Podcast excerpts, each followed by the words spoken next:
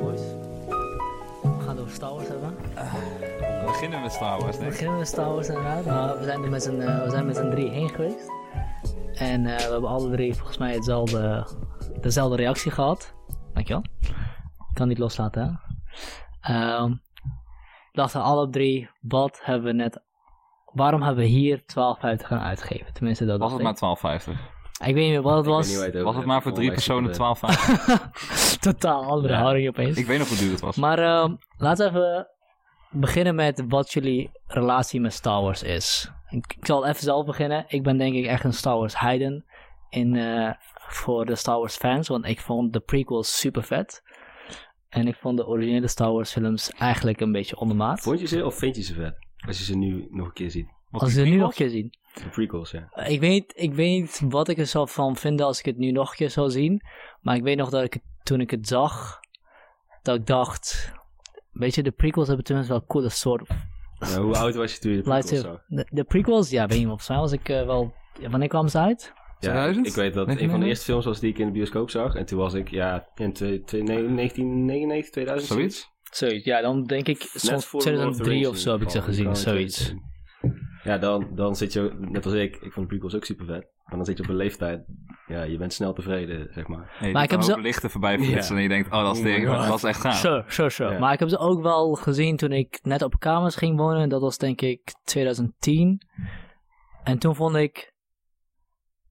Toen vond ik het allemaal wel enigszins oké. Weet je, ik, in ieder geval, ja. ik denk dat je als je prequels niet gezien hebt wanneer ze uitkwamen, dat je dan niet de magie meemaakt die ze, die ze toen hadden. Want het was toen echt iets baanbrekends en het is nu, ja, het is nu een cult geworden. Nu is het Sorry, wat is baanbrekend? Die eerste films of de die pre- eh, sorry, nee, ja, de eerste films. Ja, Sorry, ja, ik bedoel de eerste films, ja, ja. Waren voor hun tijd baanbrekend en de prequels waren voor hun tijd totaal niet baanbrekend. ja. Ehm, Dus dat is een beetje hoe ik erin sta. Ja. En ik zal je één ding zeggen. Ik vond alle drie nieuwe Star Wars films echt ondermaats. Ik vond Rogue One vond ik wel vet. Maar alle drie, zeg maar die main films, had ik gewoon een gevoel van dat Disney zoiets had. We gaan de franchise rebooten. Dus alles wat er in de eerste drie films gebeurde, moet nu nog een keer gebeuren. Dat is het gevoel waar ik daar aan het, kijken wa- aan het kijken was. ja. Goed, dat, is, eh, dat ben ik. Jason? Ja, ik heb eigenlijk niet heel erg veel met Star Wars anders dan dat ik de films gewoon leuk vond. Mhm. Gewoon die, die hele oude films, die uit de jaren 70, jaren 80. Die heb ik, toen ik heel klein was, heb ik die gewoon gekeken, was op tv kwamen elk jaar voor mijn gevoel. Ja. En daar had ik altijd gewoon leuke herinneringen aan. En die heb ik eigenlijk pas weer, toen ik 16, 17 was of zo, heb ik ze weer pas echt een keertje alle drie achter elkaar gekeken. Mhm. En toen dacht ik ook van, nou, het is gewoon overduidelijk een andere tijdperk waaruit die films vandaan komen. Het is gewoon wat trager, wat Ja. minder gefocust op, tenminste relatief gezien aan die nieuwere films, op Ja. de effecten.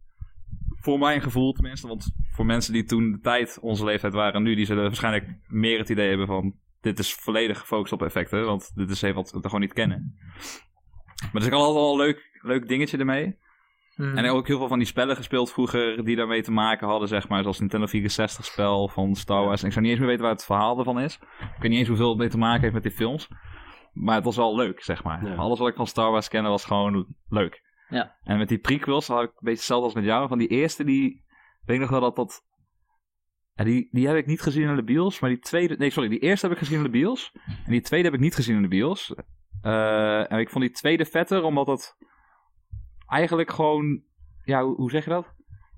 Het, het, het was niet per se een vettere film. Maar het was weer verder van het begin van iets. Welke tweede bedoel je nou precies? ja, Attack of the Clones dat? Ja, dat denk ik. Ja, de, prequel, de tweede prequel. Ja, sorry, ja, Ja. Van, van de prequels. Die, die vond ik eigenlijk leuk aan die eerste. Want die eerste, wist, dan weet je nog niet zo goed waar willen ze heen. Mhm. Dus dan wordt die eerste voor mij, voelde voor mij meer als van... Oké, dit zijn de nieuwe karakters waar je op gaat focussen. Of van vroeger de karakters. Mhm. Qua tijdlijn dan. En in die tweede gebeurt er pas eigenlijk echt iets. Ja. En daarom vond ik die tweede vet. En die derde vond ik eigenlijk best wel kut. Mhm. Ondanks dat er best wel veel momenten in zitten waar je denkt van... Oh, dit is best wel... Het zijn vette momenten, maar de film al aan zich, zeg maar, is gewoon fucking wo- wonky. Ja. Zoals dat, dat hij dan binnenkomt met, bij al die Jedi-kinderen. Ja. En dat dat kind dan schrikt van, oh, oh shit, ga je me gewoon kapot maken? Gewoon dat, dat vond ik de eerste keer dat ik het zag, dacht ik van, oh shit, hij gaat ze allemaal kapot maken. ja. maar dit is al, alomvattend, zeg maar, is mijn relatie met Star Wars voor die nieuwste trilogie. Gewoon positief. Van ja, dat zijn geen geweldige films, Mhm. maar ik, ik heb er altijd wel vermaak uit gehaald. Alleen met die nieuwste trilogie heb ik heel erg het gevoel van... Oké, ander bedrijf, hetzelfde verhaal, opnieuw copy-pasten. Maar dan de weg van het begin naar het einde...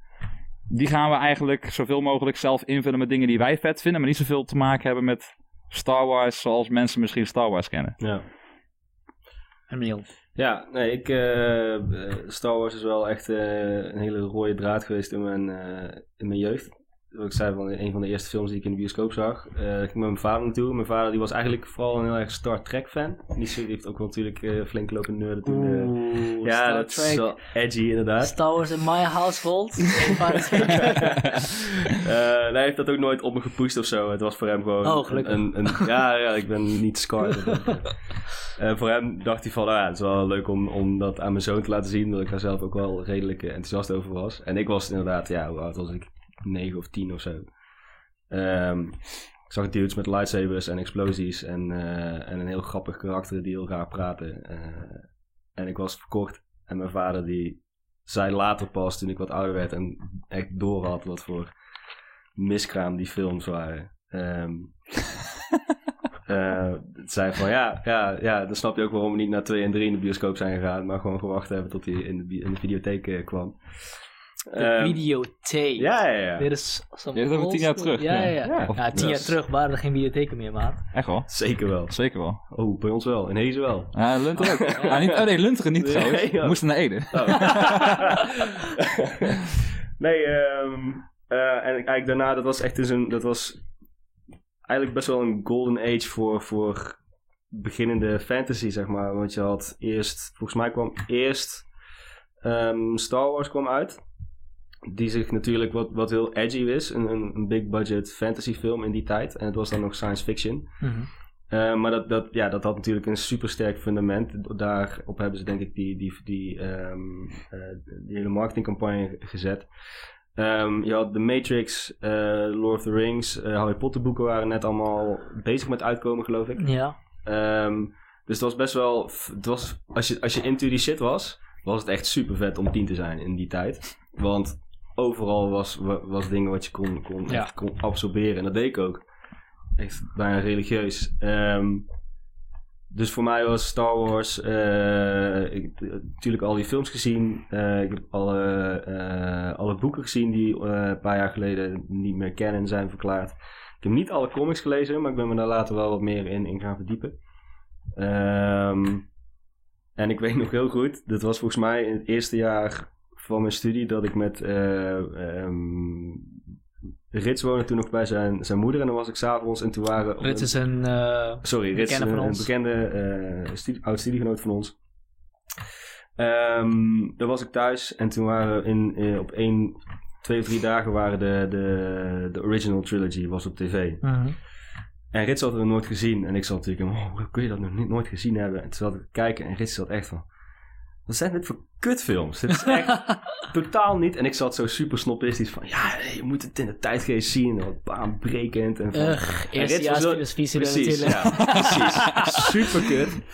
Ehm, en het- dat was heel grappig, want Rits had van, ja, dat is allemaal leuk. Maar het gaat gewoon voor mij gewoon face value entertainment. Van, vind ik dit nu leuk? En niet zo van, had ik dit 30 jaar, 40 jaar geleden leuk gevonden? Wat Ja. een supergoed argument is Ja. natuurlijk. Ja. Ehm, en ik moet zeggen, ik heb een paar weken geleden heb ik eh, voor, toevallig ook voor een, een, een nieuwe Star Wars serie, The Mandalorian, heb ik, eh, die, ben ik gevallen voor een maand eh, Disney Plus. Ehm, en toen heb ik dus ook weer de, de, de, hele, de hele show gezien, of de hele, alle films gezien. Onder andere de prequels, maar ook de originele trilogie. En toen zat ik dus echt te kijken. Ehm, toen dacht ik van, ja, deze trilogie is eigenlijk ook maar voor de helft goed. Maar de eerste film is goed. De originele De originele trilogie. Ja, Eh, dus dat, zeg maar deel 4 is goed. Deel 5 is ook goed. Ehm, ik moet zo, zo eh, anders zeggen, 2,5 film. Ik denk deel 3 haakt halverwege gewoon af. En dan is het gewoon eigenlijk alleen maar een gevecht. Ehm wat Was, super was het gevecht, deel 3? op, oh, het is eh, eh, Anakin en... eh, Nee, Nee, nee. Nee, op dat maan bedoel je toch? Ja, ja. De, Ja, met al die Ewoks. Battle of Yavin. Ja. Oh, ja. Eh, nee, de Battle of Endor, sorry. Ehm, En dat is een, een, een, zeg maar in de Star Wars canon is dat super significant, want in Star Wars lore gaat het over eh, BBY en BB. ehm, Wacht even, je bent echt heel erg aan het razen. En dat is, dat is cool. Sorry. Maar ik ben ook benieuwd, eh, want dit- deze vraag haakt in wat je al aan het vertellen bent. Hoe groot is die wereld om de Star Wars films heen? Er is een, het is een multi-extended expanded universe. En je bent nou al een beetje aan het vertellen over die expanded universe. Daar was je aan, aan het inhaken.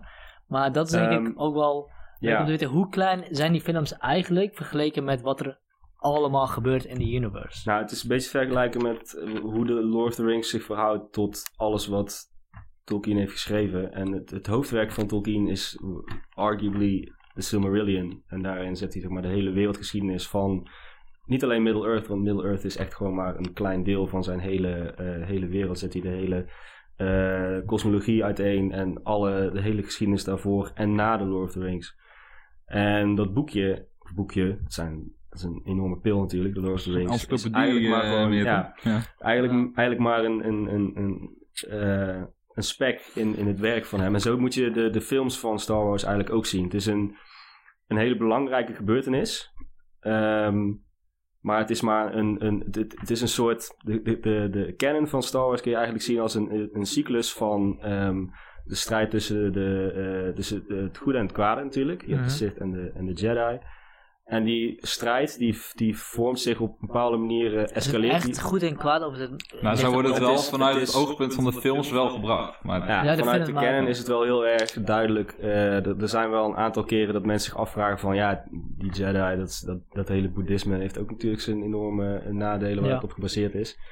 En dat worden dan Grey Jedi. Ja. Ehm, raar, vreemd genoeg nooit Grey Sith. Dat is nooit, wordt altijd vanuit Jedi nee, ja, dat snap ik ook. Ja, Dat is- maar dat is gewoon waarschijnlijk gewoon wat makkelijk te maken om het... Het zijn nooit echt Sith die zoiets hebben van... Eh, dit is mij iets te extreem. Ik ga het iets minder Maar doen. Dat Sith zijn altijd niet in, de, niet, in de, niet, in de, niet in de verhalen tot nu toe, maar je zou wel kunnen stellen dat daar genoeg... Want vroeger waren er fucking veel Sith, toch? Ja, ja, ja. Ja, maar de dat Sith een- gaan ook, ook wel... De Sith, de Sith, Sith draait ook wel op, op extremiteit. Het is Ja, ook... je ja, ja. echt- Ja, maar Jedi er, zijn, er zijn andere bad guys, maar niemand is zo extreem bad als een Sith. Zij, zij ownen hun bad guy, dus Ja, ja, ja. echt. ja. Ehm, ehm, dus dat is een hele cyclus van dat, dat, dat, dat, eh, ehm, dat conflict escaleert de hele tijd, eh, vindt een, een, een epoch en dan eh, winnen dus de Jedi eigenlijk altijd. Eh, omdat de hele filosofie van de Sith is er eigenlijk op gemaakt om zichzelf kapot te maken, omdat het altijd bezig is met backstabbing, eh, zorgen dat je eh, ahead of, of iedereen bent totaal geen, geen, geen eenheid. ehm, en dat steken zichzelf letterlijk in, in, in de rug.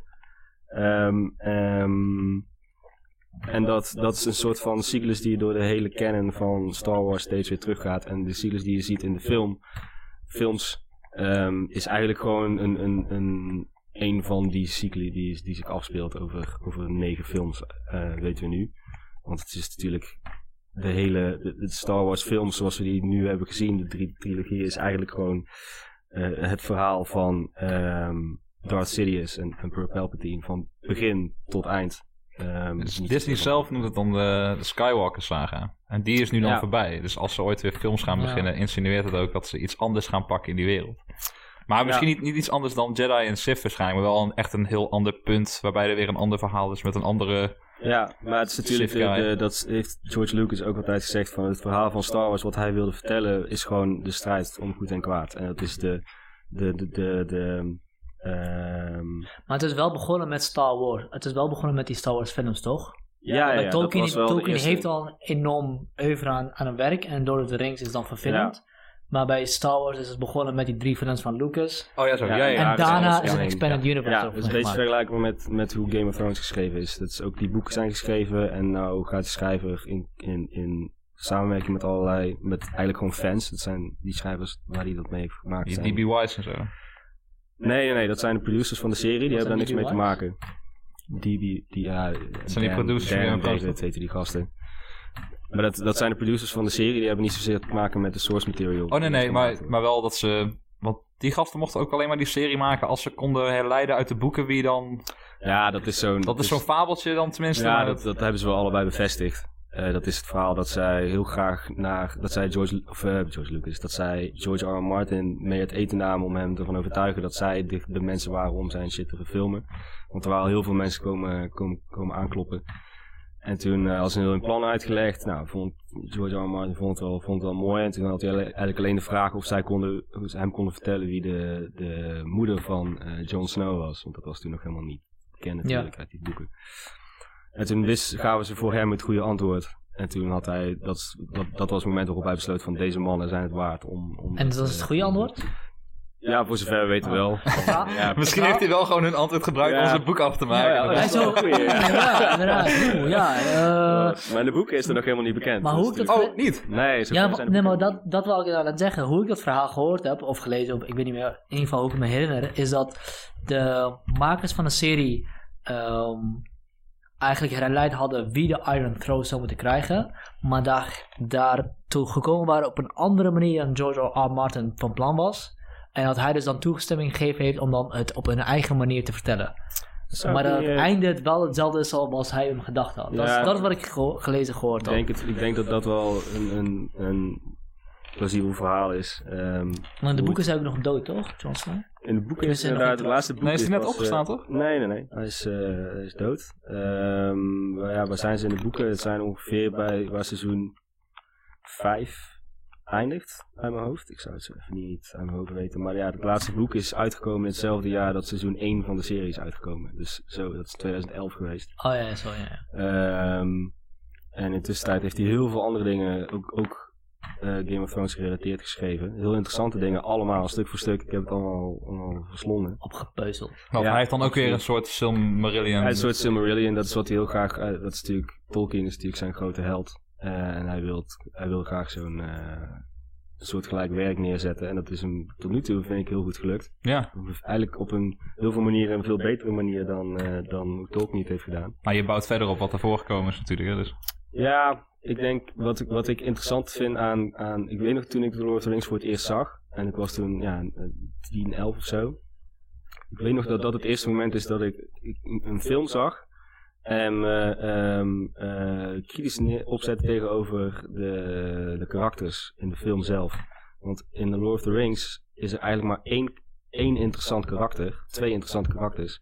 En dat is allereerst dat Gollum. En tweede is dat Frodo. Want dat zijn de enige twee karakters die, die ambigu zijn. Die niet alleen maar goed of alleen maar slecht zijn.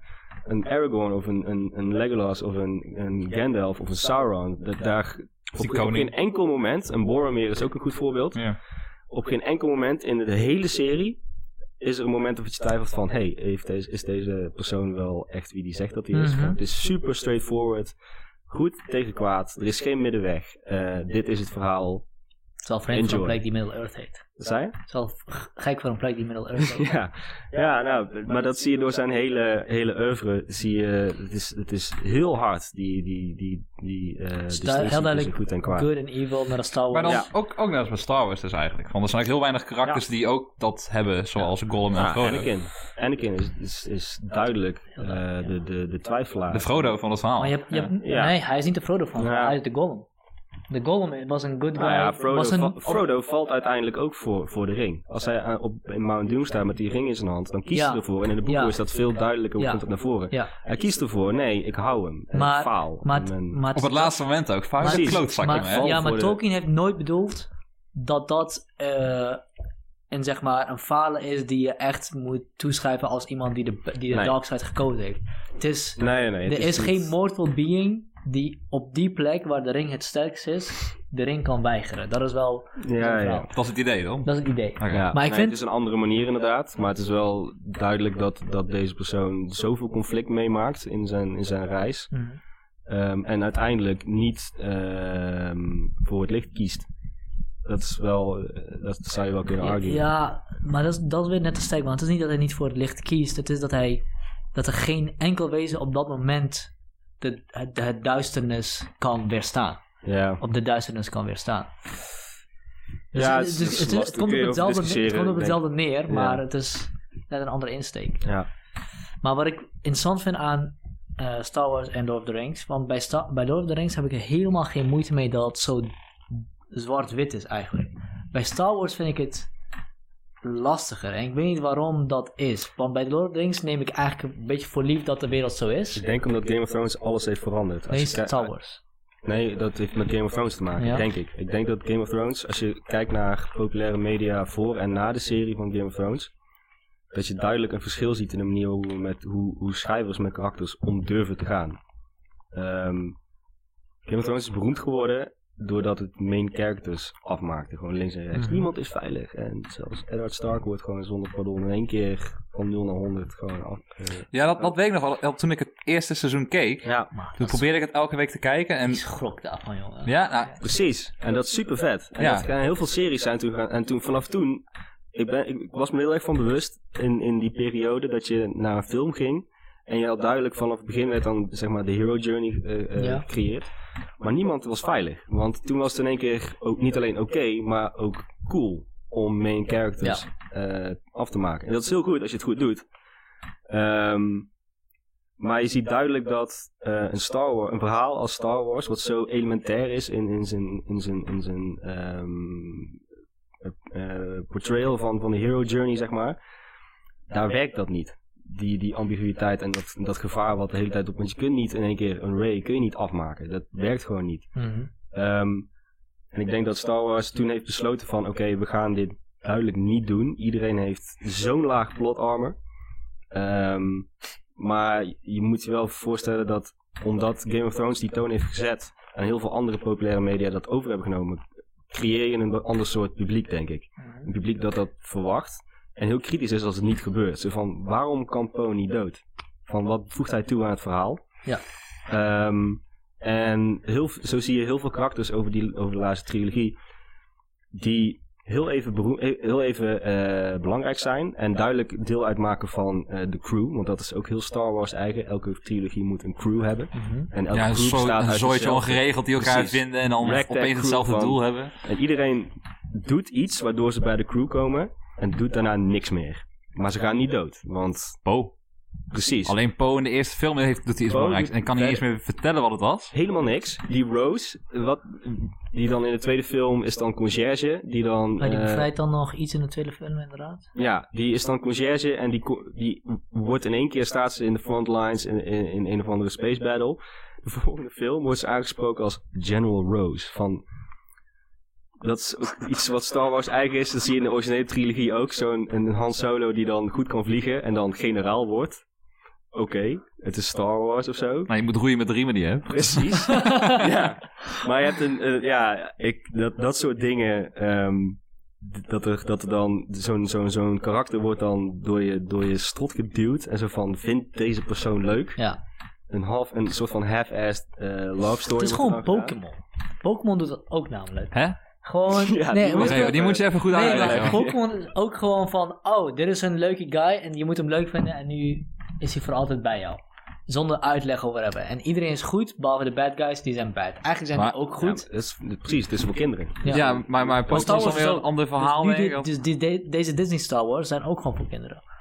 Oh, ja, ja, ja. Dat is een tuurlijk. beetje wat ik... Maar ik denk dat een, iets als Star Wars toch wel meer probeert te focussen op... Oké, we proberen ook een cohesive, leuk verhaal te vertellen dan Pokémon. Want Pokémon is volgens mij, als je naar zo'n zo'n filler pagina gaat... waarbij Ja. je kan zien welke aflevering je moet kijken om het verhaal te begrijpen. Volgens mij is echt meer dan de helft bij Pokémon... ja, is gewoon van, die hoef je niet te kijken. Ja. Of dan staat erbij van, oh, er komt een Pokémon bij. Of er gaat er eentje weg. Of hij verslaat een gym. En dan kan je gewoon zo'n seizoen in twee afleveringen kijken, volgens Of mij. gewoon alleen de synopsis lezen. Ah, dit is echt een coole Ja, serie. hoor. ja, waarschijnlijk. Je, zegt nou wel, je zegt nou wel dat Star Wars eh, tenminste nog probeert een cohesive Oh verhaal nee, nee, te wat, wat ik bedoel zeggen is, wat, wat is het verhaal Nee, van dat Pokémon? probeert niemand te zeggen, Oh. denk ik. Nee, nee, maar, Dat dat nee, ik denk meer. Want Pokémon is gewoon van... Oké, dit, dit is een kind van 10 die, over, die nu 20 jaar later nog steeds 10 jaar oud is.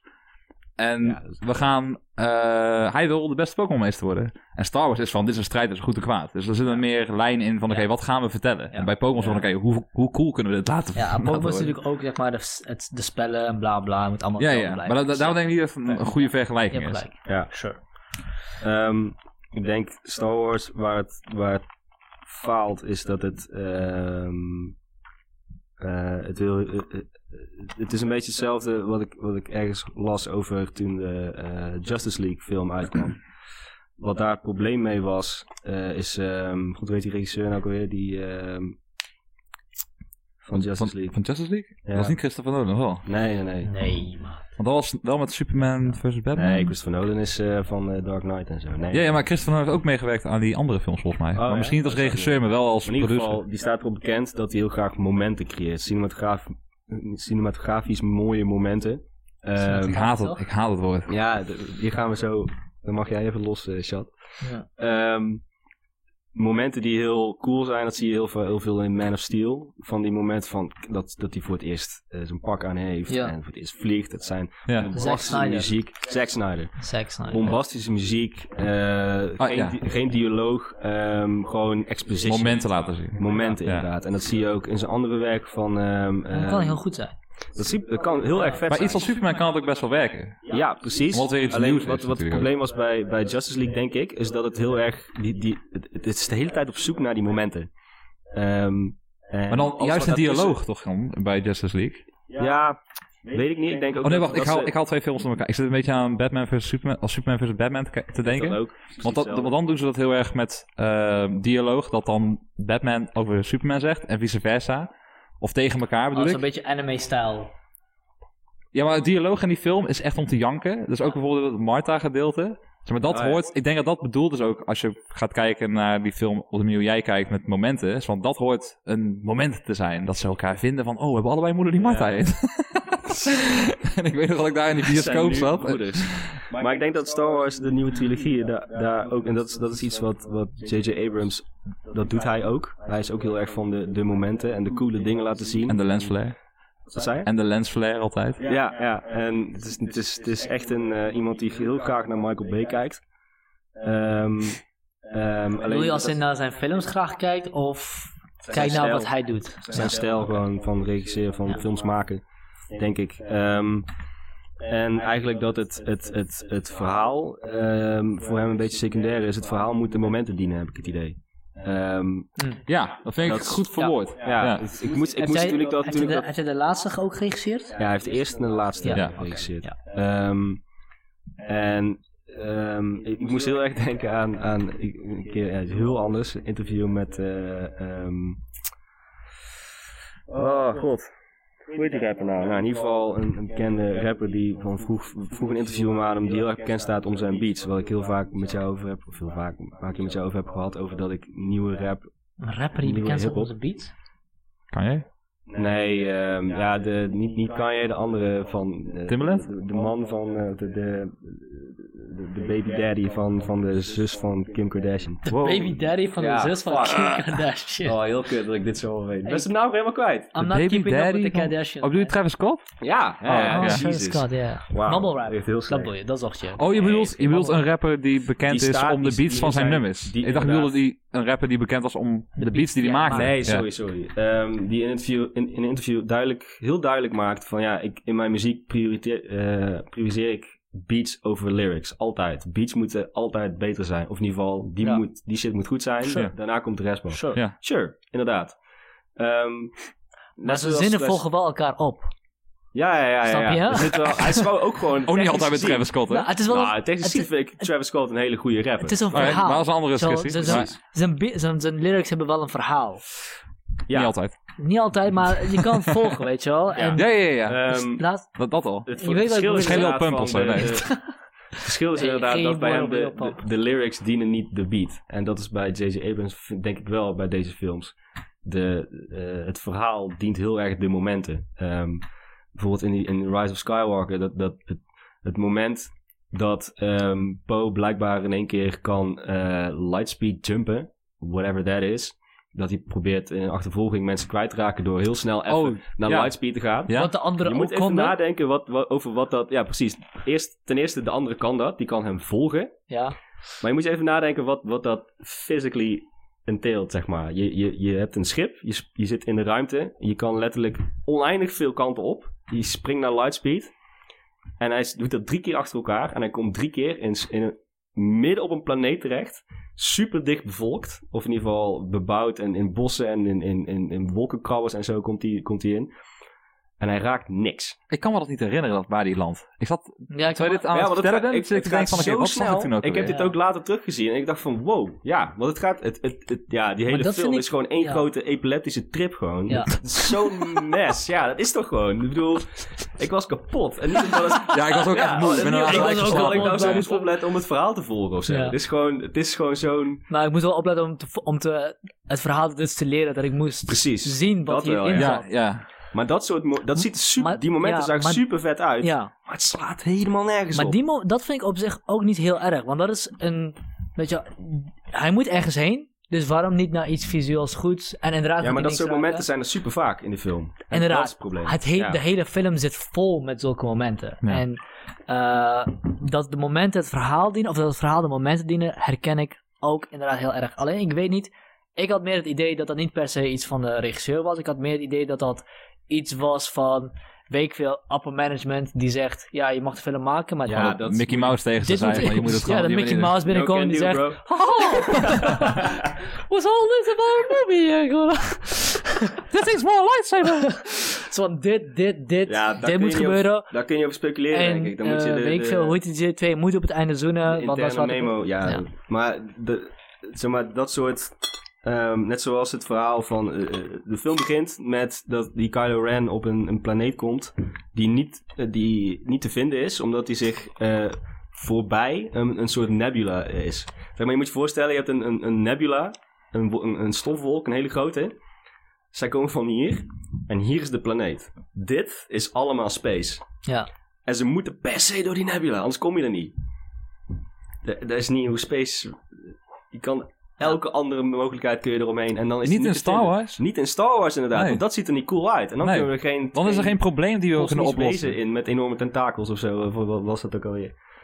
Wat er super vet Wat? uitzag. Wat? Heb jij daar? In die nebula zat een wezen, zat een, een, een monster. Heb je... Hebben we dit gezien in het begin? Nee, dat was wel redelijk op het einde. Want dan gaan ze dus door die nebula heen vliegen. Dan Oh, moet je nagaan hoe op ik was. Precies. In mijn hoofd, dat ik dit gewoon nee, ik niet snap het helemaal. Nee, absoluut. En we, eh, nee, we hadden geen pauze, toch? Of wel? Jawel. Was, was er een pauze? Ja, we hebben wel pauze gehad. En hebben Ja. we, toen zeiden we nog van, eh, nou, Toen- Ik weet niet of ik terug naar binnen wil. dat- Oh ja. Jammer dat ze daar geen whisky verkocht hebben. We hebben een sterke borrel nodig eh, in, die- in, in de rust, zeg maar. Ehm, maar dat soort momenten de hele tijd. En dan op het einde dat, dat in één keer... eh, de, hele, de hele vloot van alle rebellen komen dan toch in één keer... Kunnen ze die planeet in één keer wel vinden. oh, Ehm, ik weet wat je bedoelt. ja, maar dat was een zender. Ja, ja, ja, maar ik weet nu ook oh het ja, moment dat is zender. ik weet nu ook het moment dat jij... Ja, hey. Weet je, dat de mensen een zender aan besteden om Nee, het uit te leggen. Nee, maar weet, zal ik uitleggen waar dat aan ligt? Want Ja. ik heb het nog opgezocht. En op Reddit had iemand een hele goede verklaring. Ik ga het zo goed mogelijk proberen na te vertellen. Want in die laatste film heb je dus dat ze zeggen van... Oh, eh, dit is de grote battle. Of hoe, in ieder geval, dat zeggen ze niet echt letterlijk. Maar dit wordt de laatste battle van de film. Mhm. En we hebben iedereen nodig. Ja. Ja, ze komen toch niet. Want eh Ja, zoals ze vorige in de keer- tweede film ook niet kwamen. Exact. Ja. Maar in de tweede film kwamen ze Kan niet. niet, ja. Ja, en toen was het namelijk niet zo'n groot gevecht als die laatste keer. En toen kwamen ze niet opdagen. En toen had je dat hele shit met dat, dat geprojecteerde eh, Skywalker gevecht, weet je wel, dat het niet echt bleek te zijn. Ja. En, eh, maar die gasten Brad had een hele goede verklaring. Is eh, omdat ze geen films kunnen maken. Omdat ze dus niet kijken naar de vorige films. En dan wel zeggen dat ze hebben gekeken naar de vorige films. En dat dat... Bedoel wie kijkt niet naar de vorige film? Eh, de makers. De makers. de makers. Ze, Oh, gebruiken niet wat ze hebben neergezet, wat ze zelf hebben neerge- neergezet Oh, ja, in, de, in, de, in hun eigen trilogie. Ja, ja, ja. gebruiken ze niet om die andere film te verklaren. Want ze willen het zeg maar eh, concreet in de film. Als jij, fuck, als jij dus zeg maar die laatste film gewoon kijkt en iemand vertelt je wat er is gebeurd, dan willen ze dat je het einde begrijpt. En dat moet een heel groot moment worden, à la Marvel. Maar ja, ze hebben geen leuke karakters die zijn eigen film Ja, hebben ze gegeven. maar jaar op. gedaan om Dus dat is- universe Dus dat, die moment recre- recreëren in hun wereld werkt gewoon niet. Ja. Dus ook niet als je die tweede film pakt, want daarin gebeurt het dus niet. En in die derde film denkt iedereen opeens van, ja, oké, nu wil ik wel doodgaan. ja.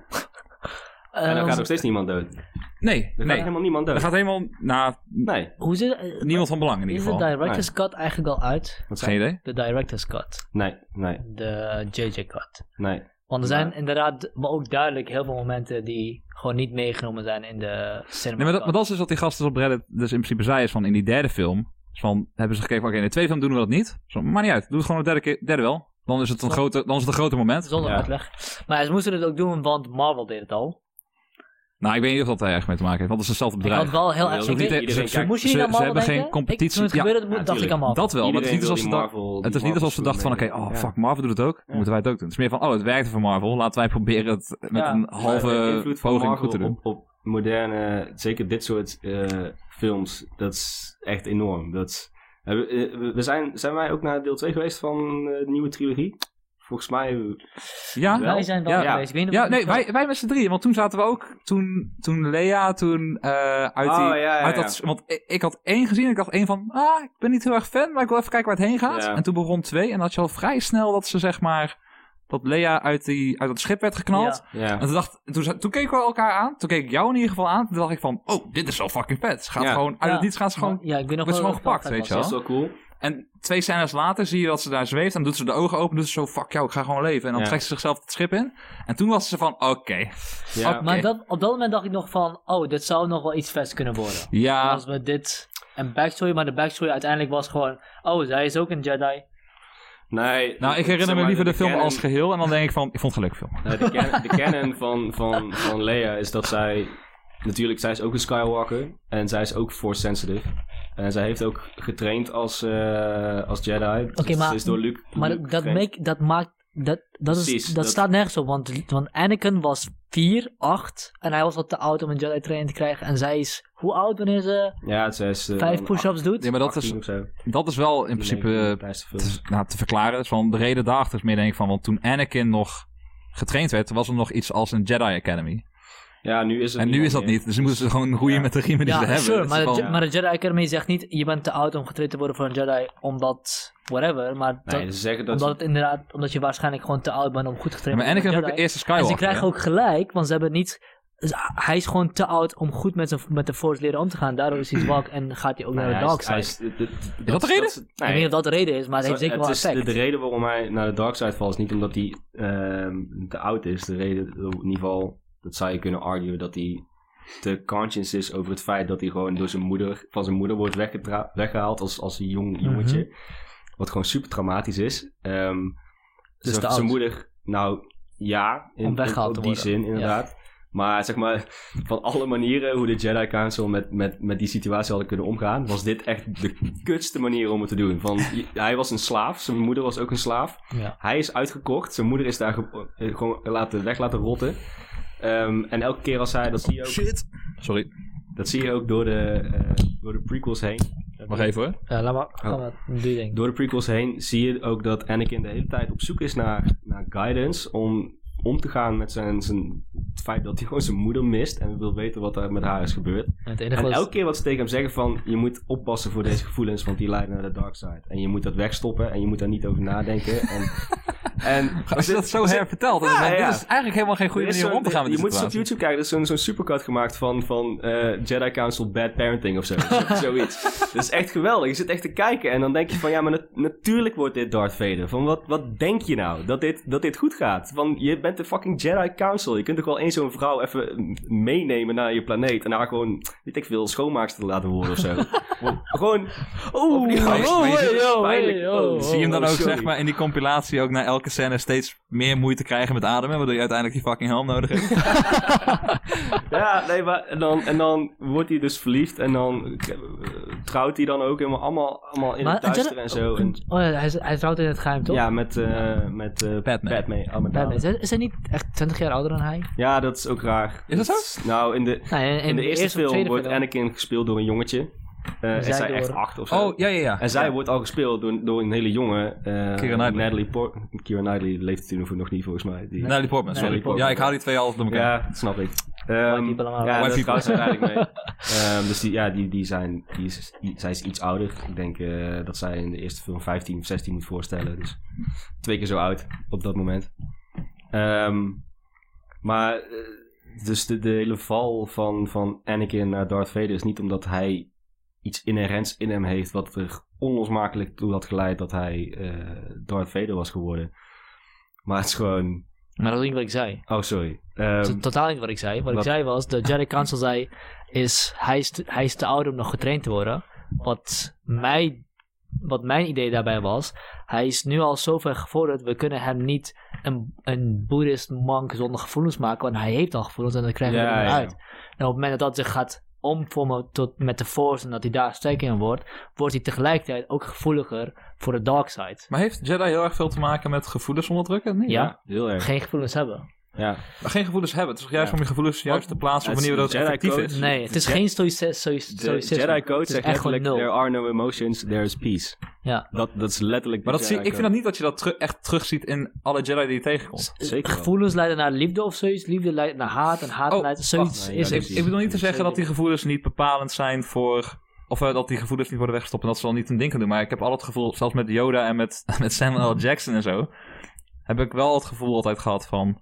Jullie zeggen dat er geen emoties zijn, maar je, je, je gebruikt je emoties gewoon anders. Ja, dit is de Jedi Code. de human condition, denk ik. Dat je, je kunt niet emotieloos zijn, maar ze, ze, ze, ze, zij zijn meer... Het voelt heel erg alsof zij hun, hun eigen zijn op, opgeven voor de greater good, zeg maar. Van, Ja. ik, ik, Ja, maar, dat, ik maar zij bepalen mezelf. alsnog wel als groep wat dan die greater good moet zijn. En dat is dan toch Ja, ook wel een beetje gebaseerd op wat zij vinden, toch? Want, Ja, en ik weet niet of dat per se emotioneel is. nou ja, oké, misschien niet. Ehm. Maar ik, ik, vind, ik vond altijd wel dat je heel erg Ze hebben een heel sterke sense of justice.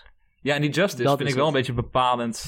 Want, Ja, ze- even- zij, zij zijn heel erg geallieerd met, met de Republic. Dus dat is, dat is hun, hun morele code. Van alles wat, alles wat de Republic promoot, dat, daar staan zij achter. Ja. Ehm, Ja, is dat inderdaad ook dus... dus ja. Ja. maar dan zijn ze dus ook... Ja, maar dan zijn ze geen, geen guardians van justice, maar dan zijn ze gewoon guardians opgehemelde politieagenten. van de authority, ja. Ja, ze zijn Guardians, Guardians of Peace, zijn ze. Maar wel de Republic's Peace. Ja, Dus maar dat dat, dat is- bedoel ik. Dus ja. van, het is niet alsof het een soort objectieve Nee, ding is waar die Jedi naartoe geleunen. Maar het is meer van, oké, zet je emoties uit en probeer jouw weg te En vinden dat in dat doel jammer wat je dat ze dat onderwerp niet meer eh, Uitwerken. uitwerken in, in films. Want dat doen ze in boeken wel heel veel. Ja, want Ehm, want dat is natuurlijk een heel interessant topic. Want een, een, een Jedi, een, een perfecte Jedi zijn, is gewoon een contradictie. Dat, dat, zeg maar, dat, je kunt niet jezelf helemaal detachen van je eigen zijn. En tegelijkertijd eh, in touch zijn met wat jouzelf nodig he- heeft, zeg maar. Ja, maar dat bedoel ik dus met die emoties. Van dat je dus, ze proberen dus die emoties dan dus niet te gebruiken. Maar dat doen ze eigenlijk wel. Ja, Misschien niet om, om al een Jedi te worden, maar zodra ze een Jedi zijn en de dingen die ze daarna doen, zijn best wel gebaseerd op emoties. ja, ja. Ja, ja, ja dat, dat, dat zijn, dat, daar hebben fans al, al, al eh, tegen jaren discussies over van wat het nou precies betekent om Jedi te zijn en waarom de Jedi-orde wel of niet de juiste keuzes maakt. Zijn het stoïcijnen of niet? Daar twijfel ik er eigenlijk wel over. Nu toch. Jedi. Nou, niet. Ik zou zeggen van niet. Want misschien wel in de leer, maar niet in Ik hoe, denk dat ze, hoe je ze wel ziet. heel erg meer, meer zijn van ehm, eh, veel minder het idee hebben dat ze geen controle hebben over hun eigen lot. Ehm, want dat heb ik wel heel erg bij Stoïcijnen. Dat ze zoiets hebben van ja, de situatie waar ik me in bevind kan ik niks aan doen. Ik kan alleen, Ja, je reageren moet het laten overkomen. alleen, ik heb alleen controle over de manier hoe ik op die situaties reageer. ja, Ja. dat is ook. En dat hebben Jedi niet zozeer. Die zijn wel heel Ja. erg de agents of their own destiny. Zeg maar. Ja. Ja, het zijn geen deterministen zoals stoïcijnen wel zijn. Ja. Stoïcijnen wel. Nee, ik denk dat daarom dus ook mijn probleem met die Jedi komt. Dat ik denk van ja, jullie zijn wel met emotie bezig. Omdat ik zo gewend ben dat, dat het, het neigt naar stoïcijn, naar stoïcisme. En die laten dingen gewoon overkomen. En die gaan daarna gewoon doen wat ze wel kunnen Die doen. reageren. Nee, maar als sto- eh, nee, maar de Nee, stoa... die de- reageren dus niet eens eigenlijk. Ja, maar Die- nee, nee, nee, maar de stoa hebben wel, hebben wel ook een leer dat je, dat je datgene wat zou moeten gebeuren zo goed mogelijk moet kunnen volbrengen. Dat, ze hebben dat wel. Het is niet gewoon stilstaan en het laten gebeuren. Er is wel een idee van Nee, het maar, goede waar je aan zou moeten bijdragen. maar wat je niet kan veranderen, moet je niet mee bezig zijn. Dat is het idee. wat je niet kan veranderen, Ja. daar moet je niet mee bezig En zijn. met, Ja. met Jedi is ook heel veel dat ze kunnen ook vaak geen dingen veranderen. Zelfs met die hele Order 66 shit. En toch zie je ze zeg maar wel proberen terug te vechten. Ja, en dat zou een stoïcijn zou dat niet doen. Die zou gewoon, zodra die omdraait en ziet van, oh, ik word neergeschoten, cool. Dan zou die niet eens Ja, dat proberen. is natuurlijk een interpretatie van, van stoïcisme. niet. Ja, weet niet. Nee, de ja, maar- situatie van, van Ja. Order 66 is een situatie die je overkomt waar je niks kan doen. Maar je kunt ervoor kiezen om je er tegen te verzetten. ja, ja, maar dat, Dat is een manier maar dat is dus hoe ik de lot. stoïcisme dus interpreteer en dan probeer te projecteren op Star Wars. Dat ik het zeg maar niet helemaal, die emoties, en dat, dat leg ik gelijk aan dus die emoties niet Ja. gebruiken. Maar ja, Dat ik het niet echt helemaal vind kloppen. Order, Order 66 is ook wel, je weet daar niet wat, wat de uitkomst gaat zijn. Dus als, als Stoa kun je het beste zo En handelen. je weet de motivatie ook niet. Nee, dat is waar. s- best zo handelen alsof de juiste uitkomst. Do it. oh, die was echt goed. Hoor. They, they always Ik come zeg echt de to... hele dag door thuis tegen iedereen en alles zeg ik, do it. Leo zo. Oh, mooi. Yes, do it. Maar ehm, My day, bitch.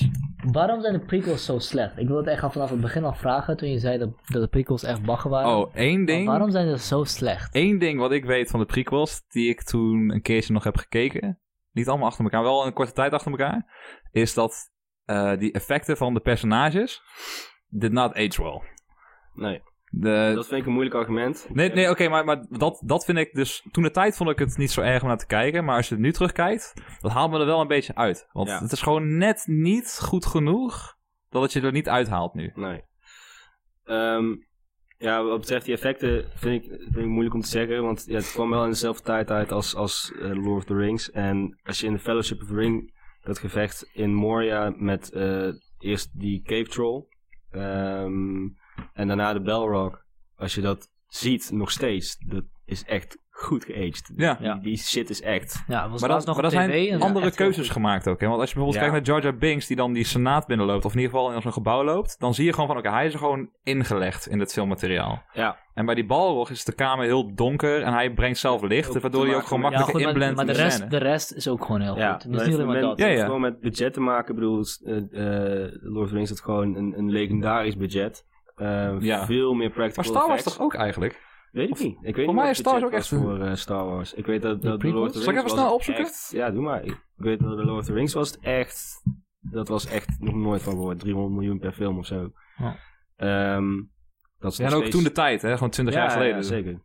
Ehm, het is maar 20 jaar geleden, ja.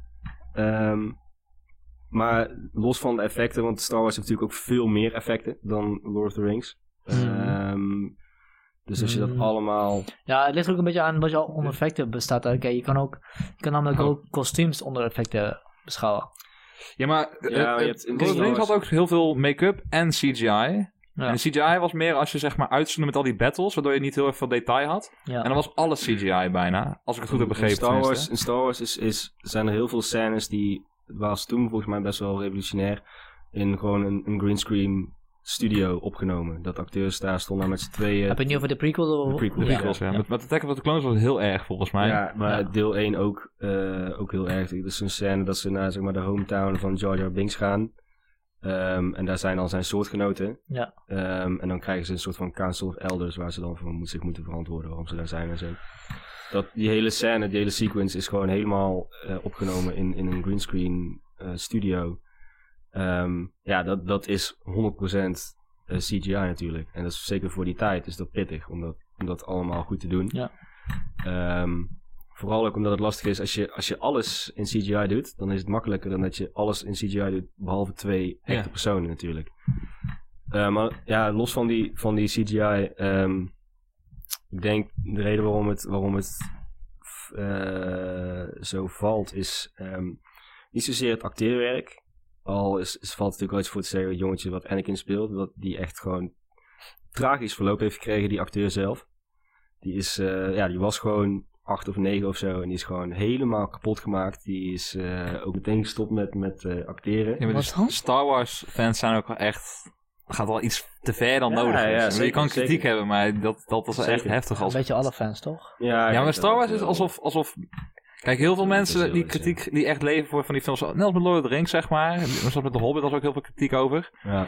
En die zijn ook al, doen ook al alsof ze zeg maar geschaad zijn in, in hun eigen, alsof Alsof we iets... iets aangedaan is. Ja. Ja, Ja, ja. alsof, alsof een gedeelte van hun persoonlijkheid wordt, wordt, wordt Ja. vermoord, zeg maar. Star Wars fans zijn nog en bij. Star Wars is dat nog wel een tikkie erger. Ja. gewoon. Ja. Maar wat is met die jongen gebeurd? Die jongen is, ehm, ja, die was toen zo oud als ik, denk ik. Iets, iets, iets jonger zelfs. En die is, eh, die is nu, voor zover ik weet, eh, heeft hij een, een, een een criminal record met allerlei petty shit. Gewoon drugsverslaving en, en depressies. En, en ik wil niet, ik kan natuurlijk niet zeggen dat dat allemaal daardoor komt. ja, maar dat is really geen, goede basis eh, natuurlijk voor zo'n kind. Maar wat is, er, wat is er na die films gebeurd met hem? Dat hij... Hij heeft gewoon nooit meer geacteerd. Hij is, hij is gewoon door de, door de fanbase gewoon dat mensen volgens mij echt voor zijn huis stonden en eh, heel extreem. Heel, eh, heel naar. En eh, alsof, alsof het zijn schuld was dat die films zo slecht waren. ja. Gewoon een Oh, ja, achtjarig ja, kind. tuurlijk. Ja, ja, ja. Gewoon helemaal, helemaal bizar. En eh, dat, dat, dat mensen zo kunnen denken. Maar ja,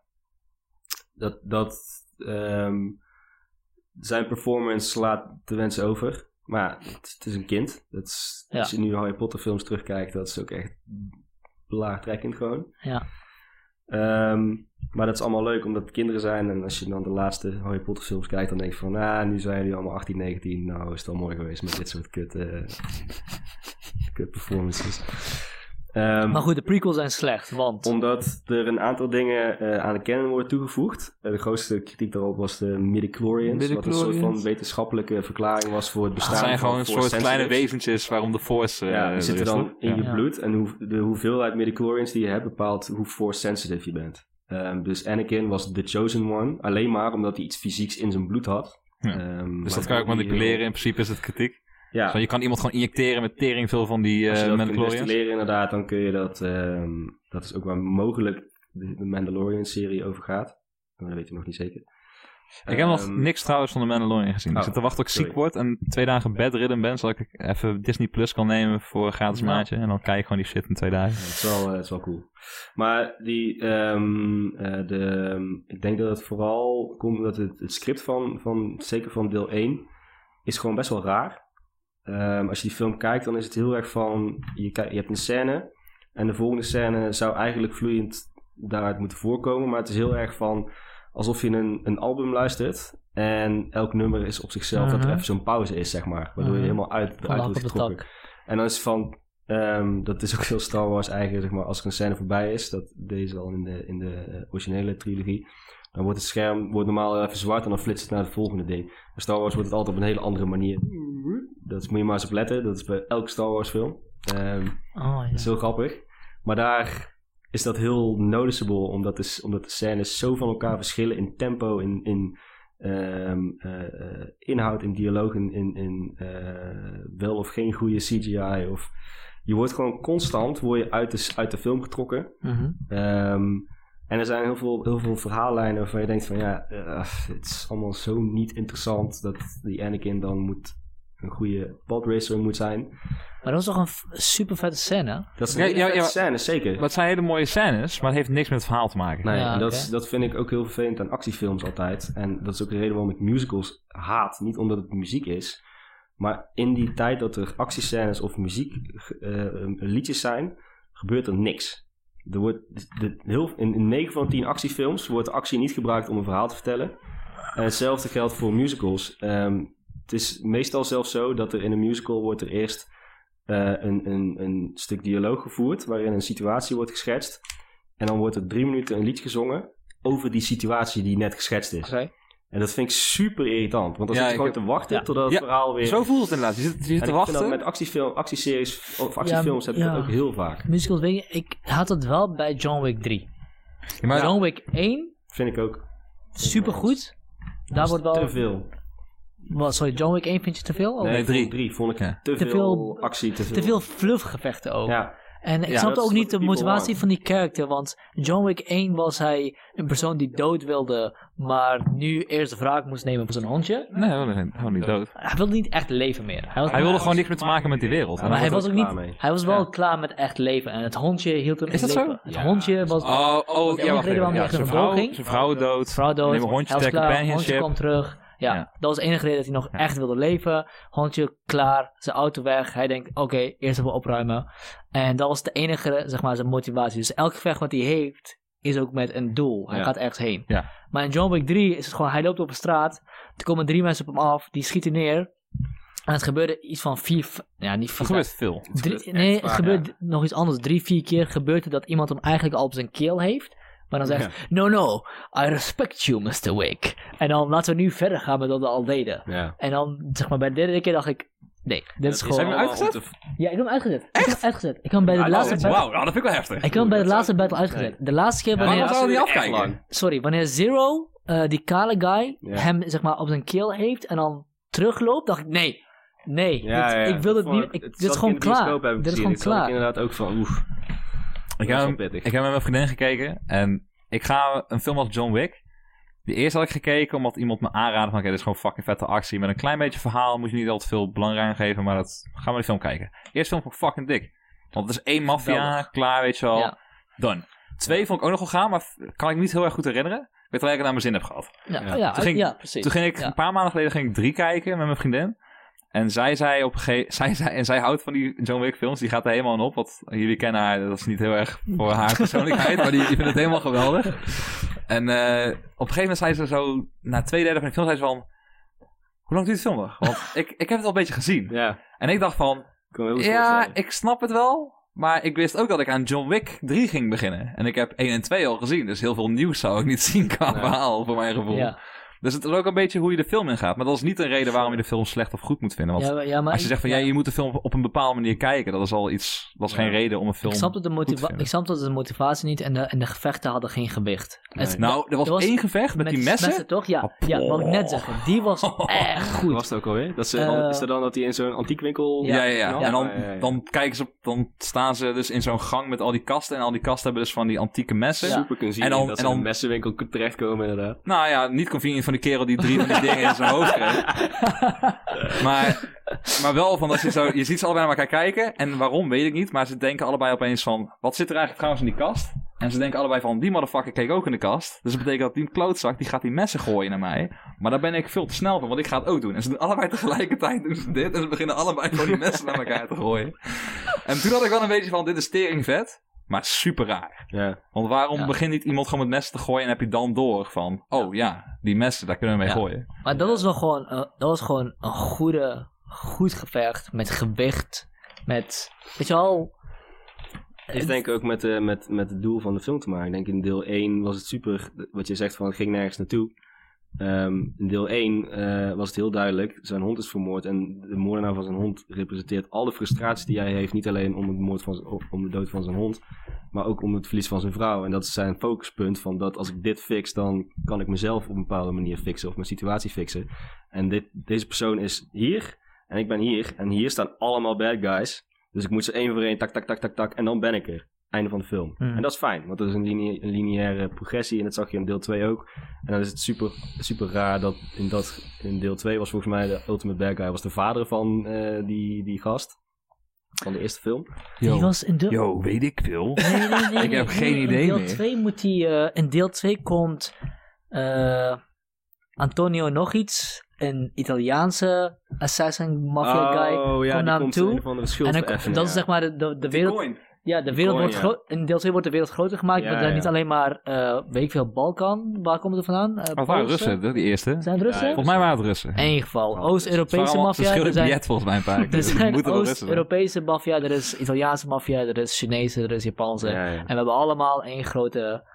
Honor Among Thieves dingetje. Honor met die Among muntjes Thieves dingen. die bloedaf... Dus ja, daar wordt de wereld groter gemaakt. Er komt, die guy komt binnen en die zegt, jee, je bent teruggekomen, dat heeft gevolgen. Ja. En dat is nog, weet Ja, je wel? Oh, nee, nee toch? Want het is toch dat in twee dan wordt hij gevraagd om iets te doen. Want Ja, hij heeft ooit een keer zo'n stempel gegeven. Ja. en daar mag Ja. nog een beroep op gedaan worden. Ja. En dan moet hij dat doen. Maar dan wordt hij dus gedoublecrossed. Ja. Ja. En dan denkt hij, oké, dat is maar de, de laatste keer dat het overkomt. En nu ga ik echt iedereen doodmaken. En dan kan er geen derde film komen. en dan loopt hij dat hotel binnen. En dan is het zo van, Schiet die gast die gast dood. Dus van, ja, Oh, en dan zegt hij, ja, je dacht dat je iedereen dood had gemaakt. Maar die derde film begint over een paar seconden. en ik zou maar gaan rennen, want Ja. iedereen gaat je proberen te pakken. Ja. Dat is super vet. Ik vond het een super vet concept. Ja, maar de film, inderdaad, nu we het erover hebben, John Wick 3, 1 en 2 is meer van, oké, er is een reden waarom die iedereen kapot moet maken. En 3 voelt meer alsof iedereen hem kapot wil maken. Meer dan in 1 en 2. En dat hij alleen maar aan het reageren is, in plaats van Ja. dat hij echt een doel heeft. Ja, Ja. ja, ja. Ja, En dan is een reden van, hij wil in leven blijven om de, om de herinnering aan zijn vrouw in leven te houden. Ja. En dan van, je Terwijl gaat ooit dood. Man, Juist. schrijf een boek. Schrijf Ja. gewoon een fucking deel boek. 1, wat je zegt van deel 1 was die super levensmoe. En dat je er- ergens tijdens die hele film het, het idee van ja, je bent wel aan het vechten. Maar volgens mij wil je daarna gewoon het liefst gewoon... Ja, je wilt niet per se overleven, je wil dat zij doodgaan. Precies. En deel 3 was heel erg van ik moet overleven, want... Hij heeft in 3 ook weer een hondje. hè? I don't know. Heeft hij een twee al? Ja, hij heeft in twee al. Ja, ja, maar in 3 dus ook nog. Dus hij, Ja, ja. hij moet hoe dan ook dat beest een keer te eten geven. En dat kan, niet, ik dat kan hij niet dood. Nee, hij geeft een hondje ook op een gegeven moment aan iemand af om eh, voor hem te zorgen. Dat is bij die... eh, Twee of drie. dat is, nee, dat is bij 3 dan stapt hij die taxi uit. En dan zegt hij van, oké, nu is het klaar. Nu ga ik echt even tekeer. Ja. En dan geeft hij die aan die eh, butler van... Het is geen butler, maar een soort Ja, van de- manager ja, van de, van de het hotel. manager, maar niet ja. de eigenaar. Niet, Ja. niet Dat is die een gast die twee. hem... Dat is een twee. Dat is een drie ook. Ja, In twee doet hij het ook. Dan zegt hij, hebben jullie- Gaat gaat hij gast mee, mee helpen eh, eh, het hotel. eh. Ja. Maar, we- hebben het erover. En we halen twee en drie op sommige momenten Ja. soms een beetje door elkaar. Ja, dat zegt we allebei redelijk veel in dat hotel. En twee, Ja. ja. en twee zegt hij op een gegeven moment tegen, hoe heet die guy nou? Conciliëren is het volgens mij. Ik weet niet wat het precies. is. Zegt hij, oh, ze vraagt hij of, of ze honden opnemen. Hij zegt, nee, dat doen we niet. Maar ik wil wel even voor hem zorgen. Ja, echt een good guy. Hij is een good guy. Ik ben even vergeten hoe die heet. Want... En dan gaat hij, en dan gaat hij naar Italië. En dan staat daar ook achter de counter gewoon Ja. dezelfde persoon, maar dan als vrouw. Ja. Oh, blijkbaar doen we allemaal hetzelfde. Maar nu we het toch over John Wick hebben. Van in 2, in John Wick 2 heb je één scène. En die, ik weet niet eens meer waarom die scène in de film zit. Maar die zal me altijd bijblijven. Is dat ze dan in die tunnels zitten. Onder zo'n soort operagebouw. Of wat de fuck is het ook? Ik weet Ja, het niet ja, ja. Maar je weet wat ik bedoel toch? Ja, ja. En dan heb je heel erg dat het daar donker is. Want dat is onder de grond. Ja, Maar dan wordt er heel erg veel gedaan met die, met die flitsen van al die geweren en zo. ja. Nou, dat, dat kon voor mij echt drie uur lang duren, jongen. Dat vond ik zo tering gaan. Ja. Ja, dat is wel cool, ja. Oh, dat weet ik eigenlijk niet meer zo. Ik heb het hier gewoon een paar keer opgezocht op YouTube, maar het is allemaal heel slechte kwaliteit en niet helemaal volgens mij, want hij stopt telkens na een bepaald moment en dan heb ik altijd het gevoel van, volgens mij, Ja. kon- vol- ik kan me herinneren dat het langer duurde, deze scène. Er zitten wel vette stukken in, inderdaad. Alleen maar 2 en 3. Weet je wel, het punt is al, sowieso ook met alle Expanded Universe films tegenwoordig. Heb ik zoiets van. eh, Heb ik het gevoel dat altijd die lore helemaal uitgediept moet worden. En er moet echt meer en alles moet duidelijk zijn. Terwijl soms die mysterie gewoon juist heel vet is. Zodat je niet weet. Dat je niet per se alles hoeft te weten. Of niet per se naar de grootste eindbaas hoeft te gaan. Zodat de hele geheimen van de hele wereld. Ja, ja, ja. Weet je wel, de- John Wick Wat 1. is anime shit? Ja, ja, nee, maar echt. Want in John Wick 1 wist je dat er een andere wereld was. Het was een beetje mysterieus. Je weet niet wat er aan de hand was, maar je weet dat er een orde is. Je weet dat er regels zijn. En hij speelt daar een rol. En dat is gewoon een goede film. En de rest daarna is gewoon eigenlijk een beetje... ah, we hebben deze opening gemaakt. Nu moeten we het ook aanvullen. Ah, hoe zou dat eruit zien? Hoe zou dat eruit zien? Ja, moet wel... op- Ja, heb je, hebben jullie ooit eh The Mist gezien? Zo'n Stephen King boek die Nee. gefilmd is? ja, ik heb wel stukken van gezien. Ja? Nee. Eh, Ik ken hem wel, maar ik heb het niet gezien. Oh, je, je, kent, je hebt het al Ik van ken de gehoord. film, maar ja, ik heb ja, het niet ja. gezien. Eh, Wel een aanrader, hoor. Ja. Gewoon, die zou ik al een keertje kijken als je denkt van, fuck, ik, wil, ik weet niet wat ik moet kijken, maar ik heb wel zin om, zeg maar, een film te zien waarbij ik aan het einde denk van, "Dat- die had was zeker mijn tijd waard. ja. Dan moet je de mist kijken. Goeie film. maar daarin heb je ook dus zeg maar dat... ehm, eh, voor mij komt heel veel plezier van die film... van een feit dat je niet alles weet... wat er, wat, wat er in die wereld afspeelt. Je krijgt alleen maar mee wat de karakters meekrijgen. ja. Dus het- om een kleine samenvatting te geven van waarop de film zeg maar zijn verhaal ingaat, is Mhm. dat er is gewoon een stadje in Maine waar alle Stephen King dingen afspelen. En daar gaat een man naar de supermarkt toe met zijn kind en zijn vrouw blijft thuis. En op een gegeven moment zit hij in de supermarkt en er zijn nog meer mensen natuurlijk, want er zijn nog meer mensen moeten vreten kopen natuurlijk. En dan komt er opeens zo'n enorme mist vanuit de bergen zo dat Goh. stadje in. En dan is alles opeens mistig. En dan eh, komt er iemand dat supermarkt vanuit de mist, dus vanaf de parkeerplaats zeg maar, naar de deur rennen. En die begint te schreeuwen en die is bebloed en noem maar op. En die zegt dat niemand naar buiten moet gaan. En dan, dan begint de film eigenlijk pas. En dan gebeuren natuurlijk heel veel dingen.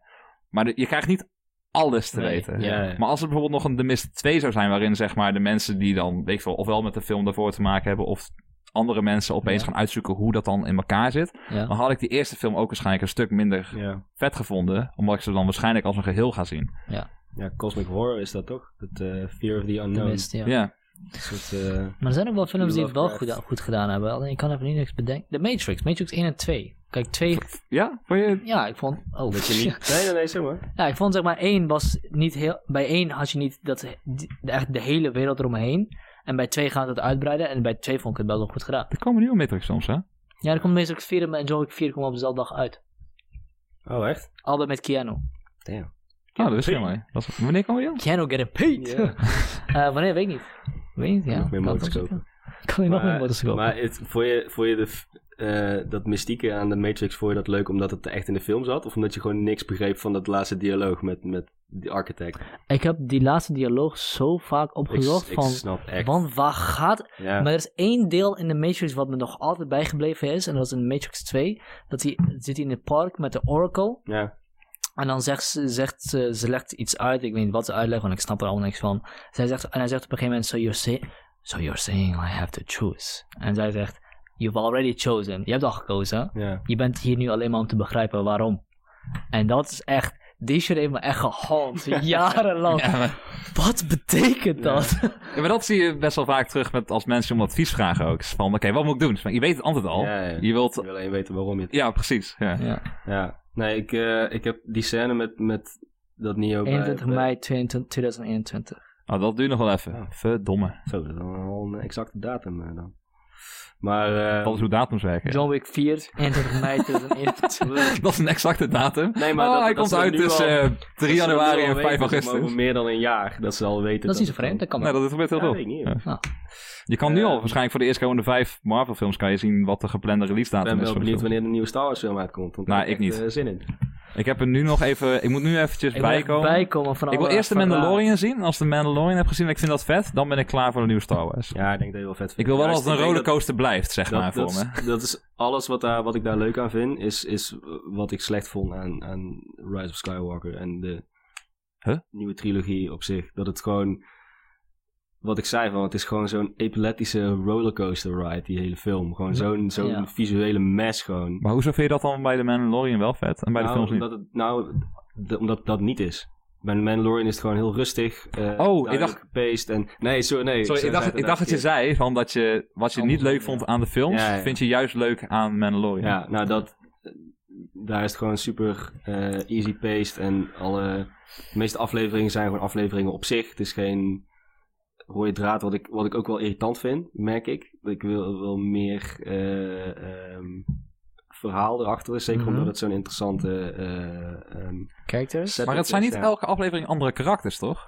Nee, ja, er is de- natuurlijk de main character en dan eh, Baby Yoda. Ehm, die niet zo, ja, niet zo'n groot karakter. Maar ehm, vooral de Mandalorian zelf, daar gaat het natuurlijk om. Eh, en die ontmoet allemaal kleurrijke karakters elke, elke Oeh. aflevering. En daar heeft hij dan avonturen mee. Ja. Ehm, die synopsis doet het niet echt, echt per se eer aan. Ehm, Nee, maar maar er komt, uiteindelijk komt het, dan, eh, komt het dan wel redelijk samen. En dat is wel cool. Oké, maar het is niet een sitcom zonder laugh track, zeg maar. Nee, nee, dat, nee, dat- nee, nee. dat je elke aflevering door elkaar kan kijken, wat het niet echt uitmaakt. Nee, ja, Tot zekere Ja, hoogte dan bedoel tot ik. Op zekere hoogte staan, zijn het losstaande afleveringen. Eh, maar volgens mij de eerste twee en de laatste twee van het seizoen, dat is wel een, eh, dingetje. er zit wel een ding in inderdaad. Oh, ik kan niet wachten tot ik ziek word. Zet het gewoon aan. Nou, joh, dus ik, ik, ik, ik kan niet echt meer... Ik, ben, ik ben zo teleurgesteld in die laatste Star Wars dat ik niet echt meer wil kijken, tenzij ik echt niks anders kan doen dan naar iets kijken. oud en verbitterd? Ik ben niet altijd verbitterd. Ik ben gewoon, even, ik ben gewoon heel even klaar. Ik ben gewoon heel even klaar met teleurgesteld worden. En dat ligt meer aan mij, want ik maak de verwachtingen zelf. Ja. En ik heb nu al zoveel mensen gesproken en dingen gelezen online over de Mandalorian dat die mensen het echt leuk vinden. En niet per se goed, maar gewoon leuk. Dat ik zo zit van, "Ai, dan vind ik het waarschijnlijk ook leuk. En ik ben een beetje huiverig of het wel echt waar is of niet. Oh, je, bent, je bent gewoon bang om iets leuks te gaan vinden. Nee, nee, nee. Ik ben, om- niet, ik ben niet bang. I've been hurt before. Natuurlijk. Fuck, klinkt het echt zo? zo bedoel ik het niet. Ik bedoel meer gewoon van, oké, ik, kan zo meteen naar huis gaan en dit gewoon gaan kijken. Want het zijn tien afleveringen of zo.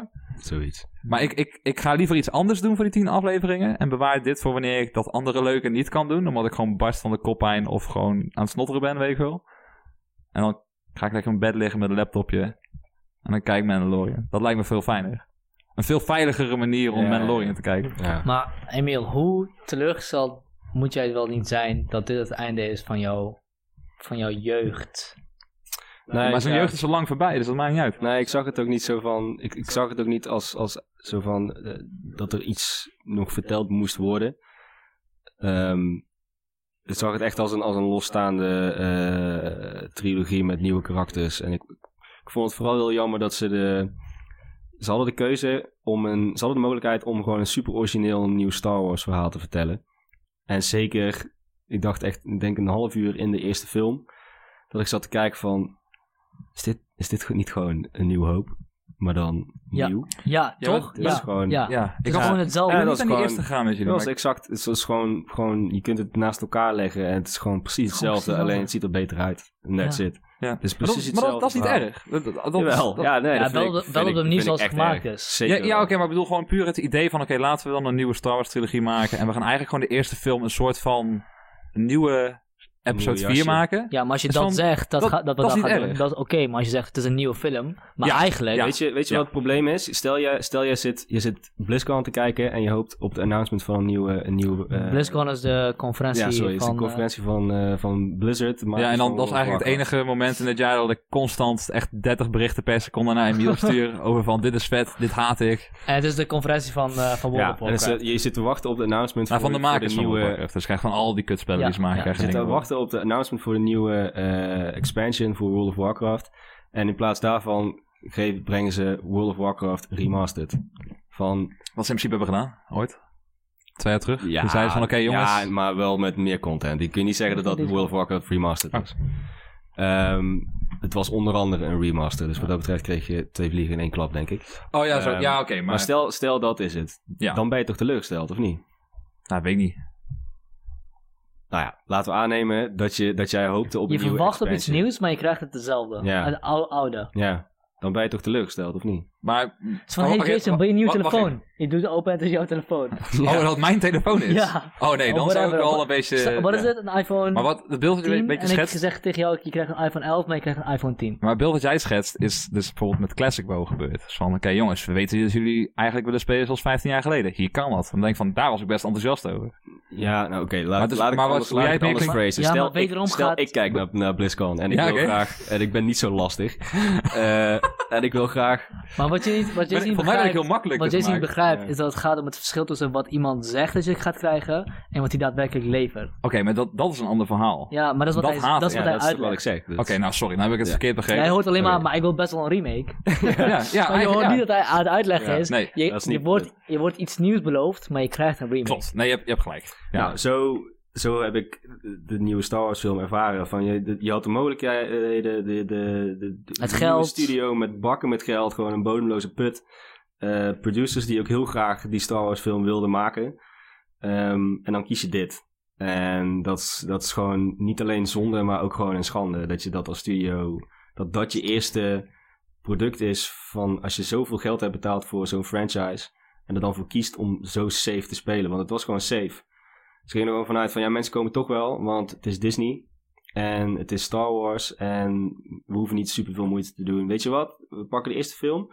Lekker nostalgisch, want dat, dat was het gewoon. Het was gewoon een enorme nostalgische circle jerk van alleen maar momenten herleven. En, en oh ja, we hebben, hier hebben we Han Ja. Solo en Chewbacca en eh, Luke Skywalker. Ja, dat en was al die echt, karakters. en die doen helemaal niks. Dat eerste shot dat je. Chewbacca en Han Solo ziet, Ja, en de, was, dat, dat, voelde, dat voelde niet als een, als een introductie van, oké, dit zijn karakters die je misschien wel of niet kent. Het voelde van, hey, ken je hun nog? Ja, Ken je hun nog? ja. Oh, Oh, kijk, je hebt die Millennium? Falcon. En ik moet eerlijk toegeven, toen, toen want de eerste keer dat je de Millennium Falcon ziet, is op, is op die planeet waar Ray dan, eh, dan zit. En dan, ja, hij heeft hier gewoon gestaan en is een junkie, Ja. is gewoon een piece of junk en hij is hier gekomen. Ik weet niet meer precies hoe hij er komt. Ja, terwijl de En Millennium Falcon echt een ding was voor de Rebels Oeh, dit wordt, dit wordt volgens mij een spin-off film over het verhaal waarop dit, eh, waarom de Millennium Falcon daar terecht is gekomen en waar Han Solo dan is gebleven en zo. En ik moet eerlijk toegeven, toen ik dan de binnenkant van, dat ze dan de Millennium Falcon binnenkomen, ja, dan, dan kriebelt het even van, oh ja, cool, dat de Mhm, Millennium mhm. Falcon in de rol speelt en zo. En ook, heeft, dat was van alle eh, returning characters is de Millennium Falcon het meest in beeld geweest eigenlijk, heeft het Mhm. meest gedaan. Ehm, Lightspeed dumping, hè? ja, dat is... Maar dat is fanser- shit. fanservice kan ook heel vet zijn. Fanservice kan echt gewoon heel goed zijn. Het is Ja. bij Marvel. Zo, ja, ik dat laatste zeggen. gevecht van Marvel, maar dan Ja, is maar je hebt een verschil tussen fanservice en nostalgische circle jerk, Fanjerk. Ja, Nou, fanjerking, dat- ja. dat- Dat, ik wil niet veel is zeggen, maar gewoon een met- verschil tussen goed en slecht fanservice. Met Endgame stond Ja. het, het zweet van die zaal wel echt tot boven mijn knieën, jongen. Want iedereen vond het in die zaal zo vet. ja, maar daar, dat is omdat het, het was letterlijk waar, dat wist je al, zeg maar... Maar het ehm, klopte, het, het ja, het klopt. Die, de er was personages waren tien jaar aan al die karakters gewerkt om, om in een band, ja, langer Ja, zelfs, om, lang. om voor elk karakter, de- je had er iets mee. De- ehm, het conflict dat speelde was meaningful. En het was voor iedereen duidelijk, zelfs al ben je niet super into eh, de MCU. Zeg maar, volgens mij weten heel veel mensen Weten dat, gewoon een beetje dat er een phase, dat, dat Marvel Ja. in die phases werkt. En dat dit echt het einde was en letterlijk endgame. En er werd is naartoe gewerkt. En ik denk dat eh, En zeker Rise of interessante Skywalker dat heel graag ook wilde doen. Ja, interessante bad guy. Super goede acteurs ook. Die echt, waar- waarvan ik toen Ja. dacht van, wow, dat jullie allemaal, weet je, eh, hoe heet die gast die, die eh, Bruce Banner speelt? Ehm, Mark Ruffalo. Mark Ruffalo en eh, Scarlett Johansson, die nou sinds zij weg is, of weg is, eh, die even pauze heeft van Marvel, echt de beste films uit de hele carrière aan het maken is, denk ik. Ehm, en gewoon super goede, goede acteurs daarvoor hebben gestrikt, die eigenlijk helemaal niet zo goed hoeven te acteren. Want zo'n actiefilm leent zich niet voor lange, intensieve dialogen. Nee, je kunt daar niet super, super veel je acteerwerk hebt laten eigenlijk gewoon heel veel karakters nodig voor zo'n film. Ja, maar ze doen dat supergoed. En ik denk dat, dat ehm, eh, Rise of Skywalker heel graag dat ehm, moment wilde recreëren. En daar gewoon is, in is gefaald. Omdat er op geen enkele manier binding is gemaakt met die Ja. karakters die er zijn. Omdat ze Ja, niks te doen. snel. Ze doen niks, het gaat veel te snel. Ja. eh, er wordt veel te veel verhaallijnen. En ik denk dat dat ook is waarom Justice. League Het is, is gefaald. Het boeit me, boeit me helemaal niks. Ja. Ja. Van ik, waarom gaat hier niemand dood? Ik ker je toch nergens om. Dan maak het dan een beetje interessant. Ik weet nog Dat wel met Justice League was wel een dingetje van dat iedereen inderdaad zei van oké, dit is gewoon te snel. Dit, dit hoort zeg maar Avengers te zijn van Ja. de DCEU. Ja. Maar niemand zat toen nog te wachten op de eindeloze reeks van origin stories. Nee, maar dat, dat hebben we toen over gehad. En het was ook met, met Raaf volgens mij hadden we het erover. Van, is van, dat, ik, ik vond in ieder geval toen de tijd, dacht ik van ja, ik vond het ook niet een fantastische film. Vond, ik heb hem wel vermaakt, want ik Ja. vind het gewoon leuk om naar te kijken. En ik hou van die karakters. hou van die karakters. Ik vind het gewoon vette karakters. Dat dat meer darke idee, omdat ik Marvel zo een beetje zat was, zeg maar. Ik vond het een fijne afwisseling, zeg maar. Ja. Maar ik dacht dat ze zeg maar met DCEU dachten van oké, we beginnen gewoon vet snel met zo'n groep. En daarna gaan we, daarna gaan we de karakters uitwerken. Waar ik dacht van, dat kan ook misschien ook wel werken. Maar hij heeft Ja. het uiteindelijk niet gedaan. Ja. En nu wordt heel veel gedaan alsof Marvel heeft laten... Of niet als of Marvel laten zien, maar Marvel heeft het andersom gedaan. Dus gewoon karakters neerzetten en die samen laten komen. Wat natuurlijk eigenlijk, als je het op papier bekijkt... een veel betere manier is om een verhaal te vertellen. Ja. Maar voor hetzelfde geld als ze het goed hadden aangepakt met de DCEU... van eerst samenkomen en dan splitsen... en dan Mhm. kijken wat daar de reacties op zijn... had ook heel vet kunnen zijn. Maar die Ja. films werken gewoon niet op zichzelf staan. Nee. Ja. Ook zeg maar terugkomend op wat je eerder zei van dat er geen mensen doodgaan bij Star Wars en het keren om mensen. Want volgens mij bij films is, is niet zoveel. Je weet dat de, dat de good guy waarschijnlijk gaat winnen, heel vaak. Of dat de hoofdrolspelers niet doodgaan. Maar het punt is niet van een film is niet per se, denk ik, of van een goed verhaal dat je niet weet wat er gaat gebeuren en dat het onvoorspelbaar is. Volgens mij is het punt dat, het, dat je zo emotioneel engulfd bent in wat er gebeurt, dat je niet tijd hebt om na te denken over wat gaat gebeuren. Dat je zoveel keert om wat er aan de hand Ja. is.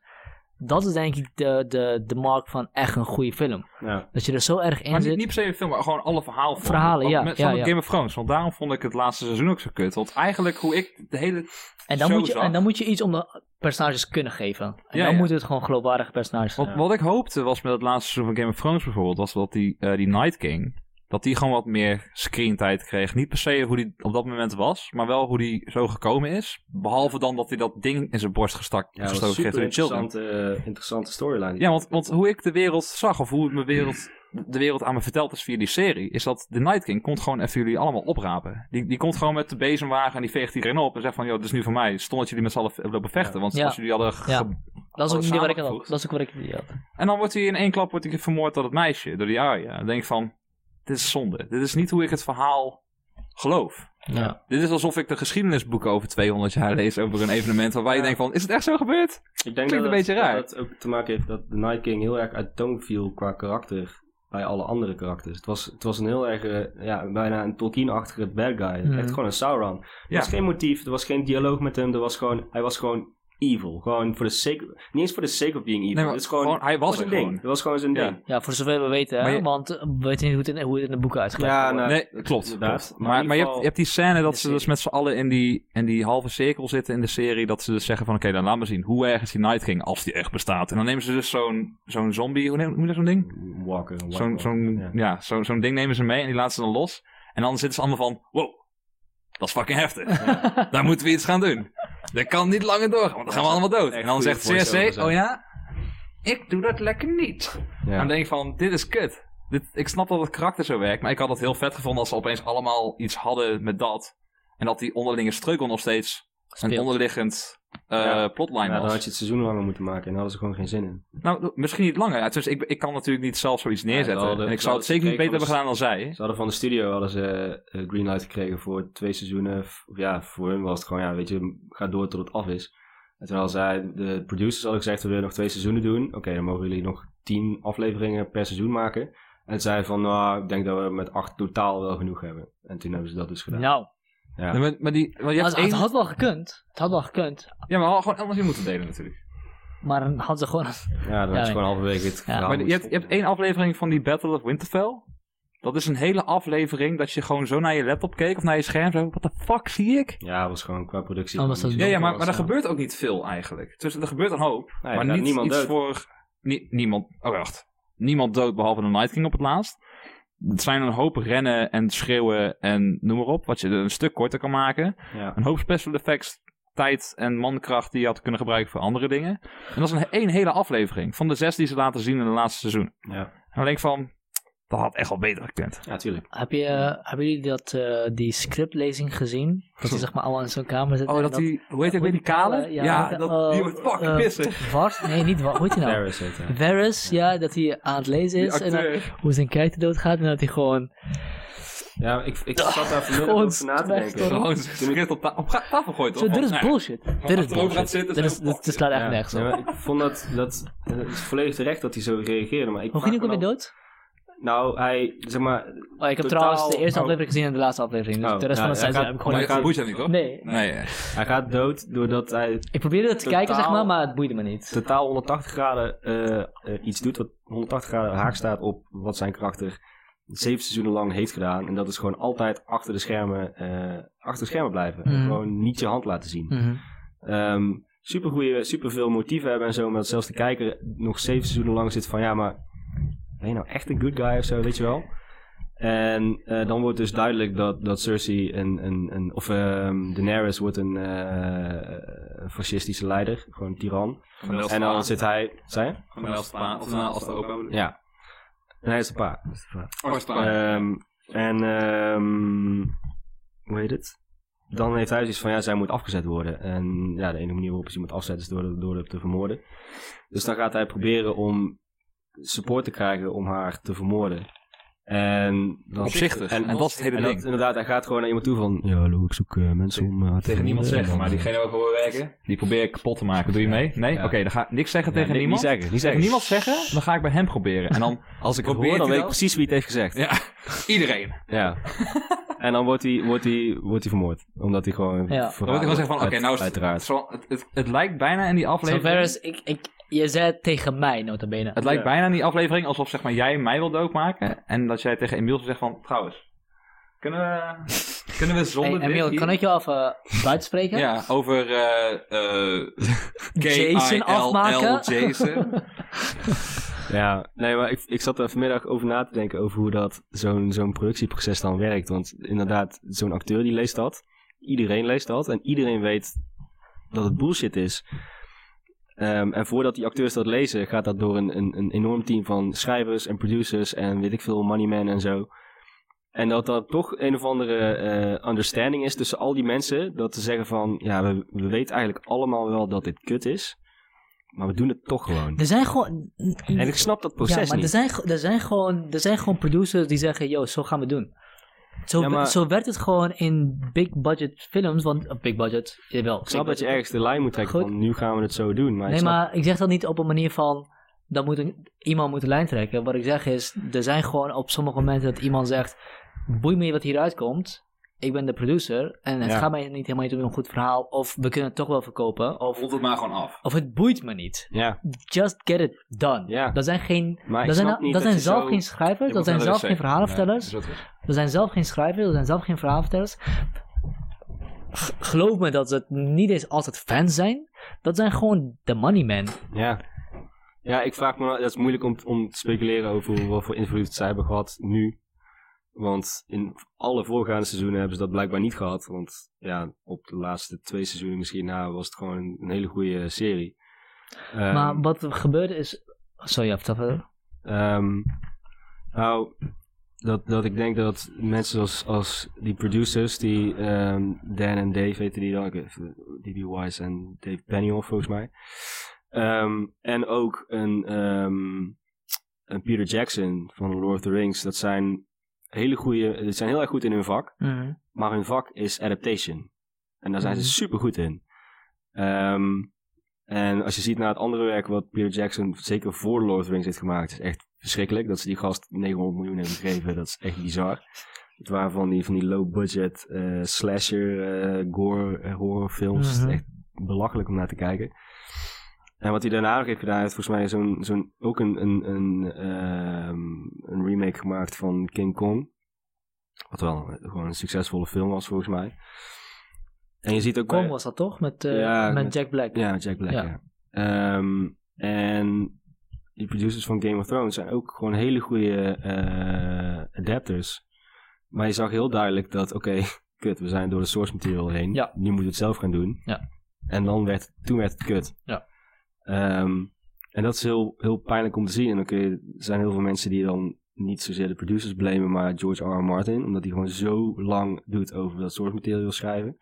Dat sommige mensen of denken dat hij het gewoon niet meer gaat afmaken. Want die gast is echt, die ziet eruit. Dat is echt, die wordt echt, over vijf jaar is die gast dood. Dat is zonder twijfel. Ehm, of omdat hij zichzelf gewoon heeft vastgeschreven. Dat hij gewoon niet meer weet hoe hij alle verhaallijnen moet, moet opknopen. Ehm, en dat hij dus niet zo'n eh, zo'n einde wil maken als, eh, als, als de Daarom. producers hebben gedaan. Nou, hoe, hoe volgens mij die keuzes gaan is, kijk, de money man, of de producers, of whatever, degene die de laatste hebben, zijn mensen die verantwoordelijk zijn voor het afleveren van een succesvol product. En een succesvol product is een product die verkoopt. En hoe doe je dat? Oplevert eh, Ja, en hoe doe je dat? Die creativiteit is een heel. eh, is, dat, dat, is geen, dat is geen businessmodel. Op creativiteit bouw je geen model. Op goede verhalen bouw je ook geen model, bedrijfsmodel. En een goed, herhaalbaar en schaalbaar businessmodel is kijken naar wat al werkt en dat hermaken of de- misschien iets aan twisten of eh, meer intensiveren. Dus je kijkt naar wat al gedaan is.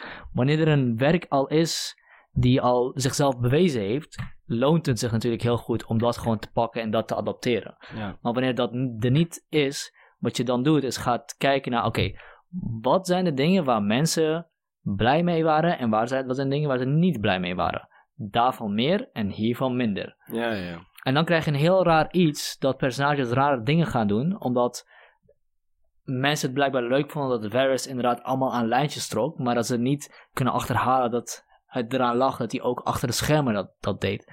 Dus dat is waarom, waarom ik denk dat Game of Thrones de eerste paar seizoenen heel goed was en niet zeg maar zoveel problemen had met producers die keuzes maakten voor schrijvers. En dat op een gegeven moment als het soort materiaal afloopt, dat het eigenlijk gewoon één downward spiral is. Want ik heb inderdaad die se- seizoen niet gekeken, maar ik heb eigenlijk alles wel meegekregen. Alle analyses, reviews, belangrijke stukken heb ik ook gewoon allemaal gewoon gezien. ja. En je ziet ook gewoon dat de personages en hun keuzes en hun redenaties de wol dene- degenere- de- degenereren gewoon. Ja, ja ik, er zitten zeker hele goede, goede momenten in, die, in, in dat laatste seizoen en ook in het ene laatste seizoen. Ik vond, vind vooral, dat is wel iets waar je als fan heel erg op wacht, zijn de reunieën van sommige karakters die elkaar al in, in eerdere seizoenen heel close zijn geweest en dan wat voor manier dan ook uit elkaar gedreven. Met die en vinden. Ja. Sorry? Zoals met eh, Aria en... eh hoe heet Ja, je en, eh, de Hound en Sansa. en Sansa. Sansa en die kinderen allemaal. En dat, is, eh, het zijn hele interessante dingen die ook heel vaak heel erg goed, eh, of meestal gewoon heel erg goed eh, gedaan werden.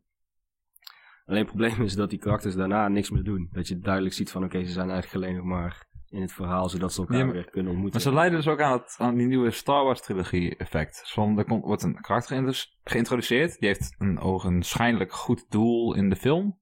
Dat is klaar. En daarna weten ze gewoon niet meer wat ze moeten doen met die personen. Nou, dat is met, eh, hoe heet die, die Star Troop of die eh, Stormtrooper die in de eerste... Finn. Finn, ja. Ja. Ja. Die leek echt een belangrijk figuur te gaan worden. Ja, nou, van wat je meekreeg in de trailer en Maar gewoon hoe erg die karakter ook naar voren gepoest? Ja, maar al- hij- Ja. alleen in de eerste film heeft hij echt Ja. een doel. En dat is dan, wordt een beetje opgelost. En dan 2 en 3 is het... En al in twee is het van, oké, eh, ga maar zeven, op een, op een soort side plotline met Roos. En of naar een soort Macau in space. en eh, toen was hij een En, eh, force sensitive. En, ja. Ja. Ja. Oh, en, en, en hij had geen stormtrooper pak aan, dus hij kon wel raak schieten natuurlijk. Ja, zijn ook die, gewoon die maskers, hè? Die ze op hebben. Ja, daar komt het door. Dat zal het Dat zijn. was trouwens hetgene, dat, dat werd later, ik weet niet of jullie dat meegekregen, dat, dat Finn in de laatste film tot een, een paar keer toe tegen, ehm, ehm, dat hij zei van, ik moet je nog iets tegen je Tegen zeggen. Ray, ja, ja. En het wordt Ja, nog Ray. geresolved. Dat zei, ja, en toen werd nooit, dat is nooit, en toen, blijkbaar is dat dus ehm, van, ehm, ik ben ook force sensitive. Hoe weet je dat? Want ik krijg niet het film mee. Waarom moest hij dat op dat moment zo erg nodig zeggen? Ja, Dat- Als je dat- doodgaat, moet maar- je weten dat ik je sensitive ben. Maar dat niet alleen, want, want hoe weet je dat dan?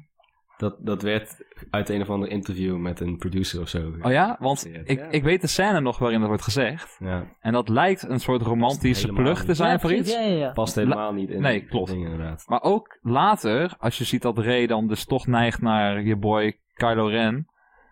En dan zie je hem ook een soort van reactie geven met zijn gezicht of wat dan ook. Ja. En dat suggereert dat het dus wel een romantische zit. Niet van, oh, nu, nu, heb je, nu ben je meer geneigd naar Kylo Ren. Nou, dan Ja. kan ik niet meer vertellen dat ik force sensitive ben. Dat werkt niet. Nee. Dat kan je me echt niet wijsmaken. Nee, nee. Ja. Dat, was ook, dat was ook echt zo. Dat, dat zei van. Volgens mij ging het interview ook zo van. Ja, hij wilde zeggen dat, dat hij vo- gevoelens voor haar had. Hè? Nee, nee, nee. Hij wilde zeggen dat hij force sensitive was. En die interview van. Dat kan niet. Dan ga je me gewoon niet wijsmaken. Maar dat is toch een hele goede indicatie van het gedachteproces van zo'n producer. Want die heeft dan dus nog nooit. Niet Dat alleen een. Star Wars film gezien, maar überhaupt een verhaal gezien, volgens mij. Dat is niet hoe, hoe, hoe verhalen werken. En dat zijn ook twee verschillende mensen natuurlijk. Hè? Want Ja. je denkt, tenminste, ik dacht vroeger vooral heel erg dat zeg maar, een filmstudio vooral uit creatievelingen bestond. Ja, Dus uit creatievelingen. Gewoon mensen die zeg maar hetzelfde manier kijken naar wat die film moest doen. Is dat Ja. mensen vermaken. En dan hopelijk heel veel mensen eh, geld uit hun broek laten slingeren. Weet je wel. Van hier, ik ga nog drie keer kijken. Ja. Want zo goed als de film. ja. Maar dat is de, de lower levels zijn de creatievelingen. Dus de mensen die de film maken. Hangt er wel vanaf. Je hebt natuurlijk wel mensen die echt heel veel creatieve vrijheid hebben, zoals Oh, Tarantino ja, bijvoorbeeld. oké, maar in het algemeen- in het ja. algemeen- Ja, ja. Het is ook natuurlijk het genre. Hè? Ik bedoel, fantasy en sci-fi, daar is gewoon heel veel geld voor nodig. Dus dan zit je al vaak Ja. bij een Disney. Dus dan moet je al bij zo'n groot bedrijf zitten. Of in ieder geval een grote studio. ja. En dan heb je dus ook dus nog meer mensen die mee te maken hebben waarschijnlijk. En dan is die ladder ook steeds groter. Want je moet met nog meer mensen te maken hebben. En die hoogste pief, die is eindverantwoordelijk. ja. Ik vond wel... Wat ik wel goed vond aan de Star Wars films, de laatste, was eigenlijk bijna elke interactie tussen Kylo Ren en Rey. ja.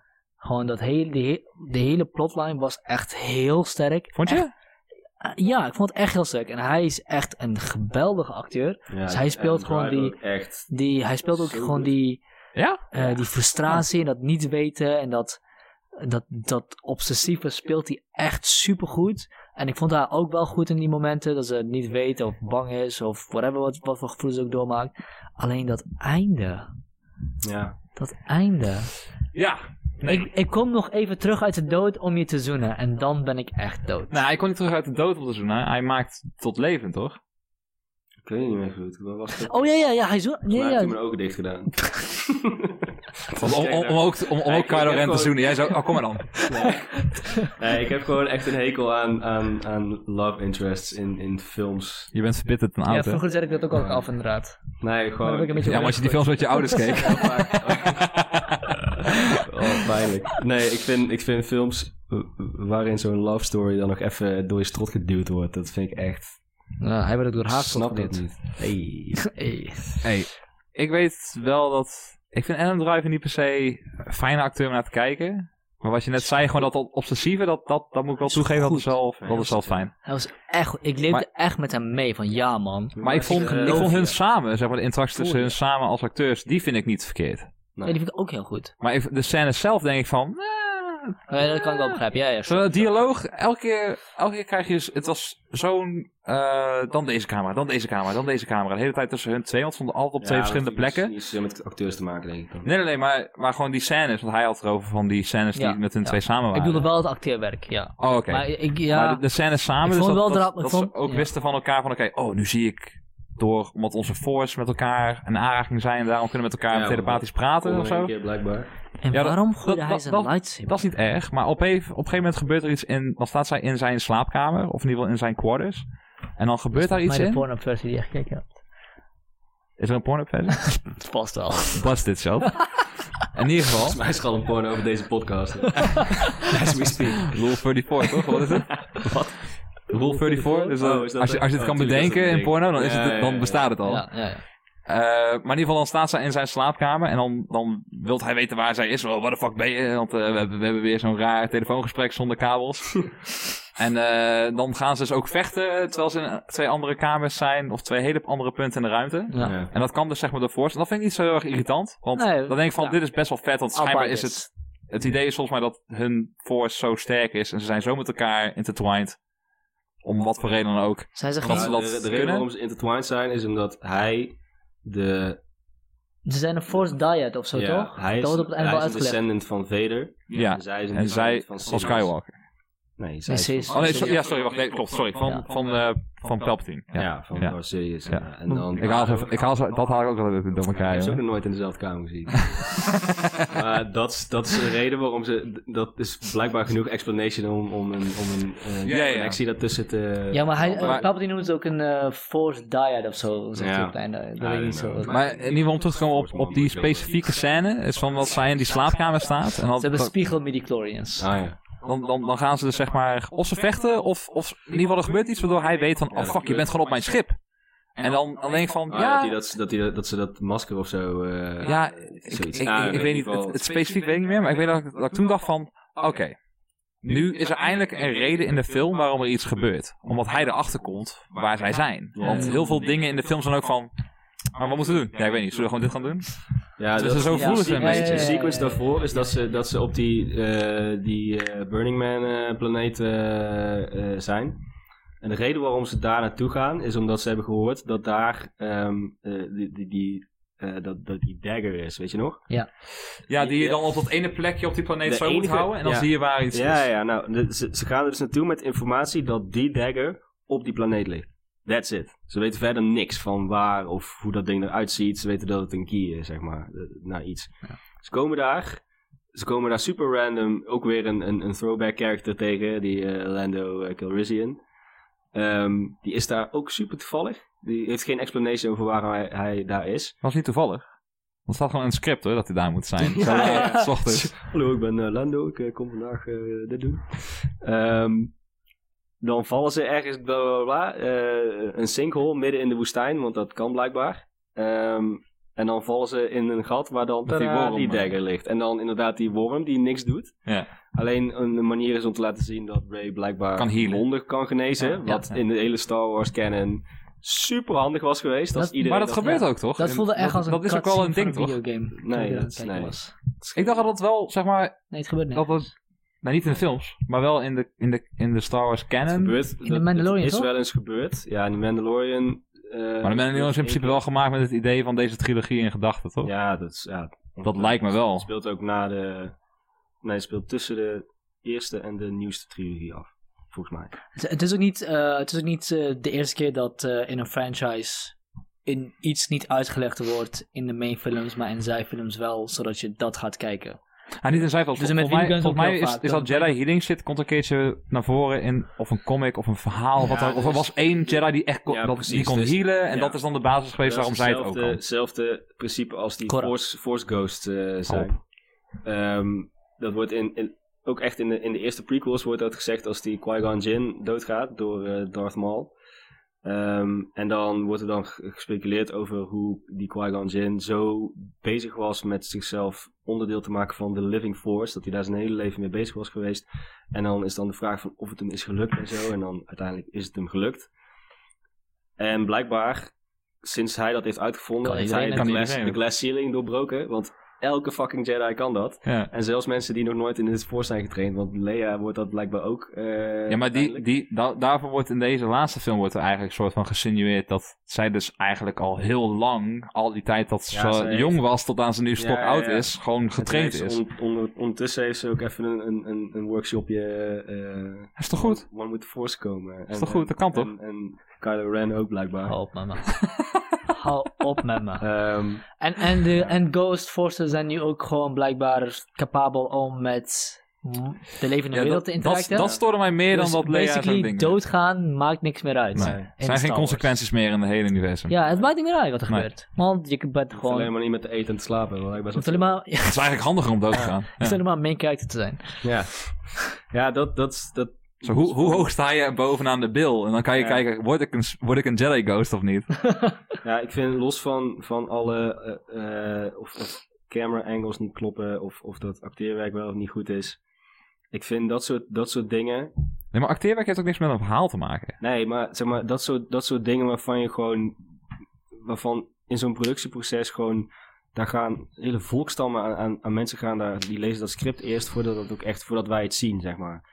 Ja. En dat er dan niemand is die dan maar met de juiste eh, invloeden dan zegt van jongens, dit kan gewoon niet. En we introduceren nu dingen die ook helemaal niet relevant zijn. Want dat voorzielen, dat moet ze dan per se gebruiken om dan een, een tense moment te maken op het einde. Maar nee, het enige En- reden waarom dat is toegevoegd waarschijnlijk, is om die scène dat ze dus iemand tot leven wekt.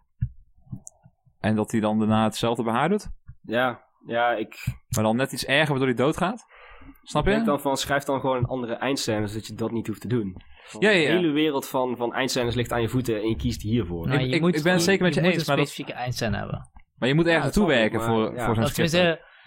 Weet je, is de, de, de, eerste, de eerste trilogie had gewoon een, een hele degelijke medal scene. Van iedereen kreeg een medal, behalve Chewbacca. Daar kwam ik later pas achter. In de films krijgt Chewbacca Ja. krijgt zo super terloops van die, die Mask Gora of zo. Zo van, hier Chewie, deze is nog voor jou. En dan, en dan volgende scène.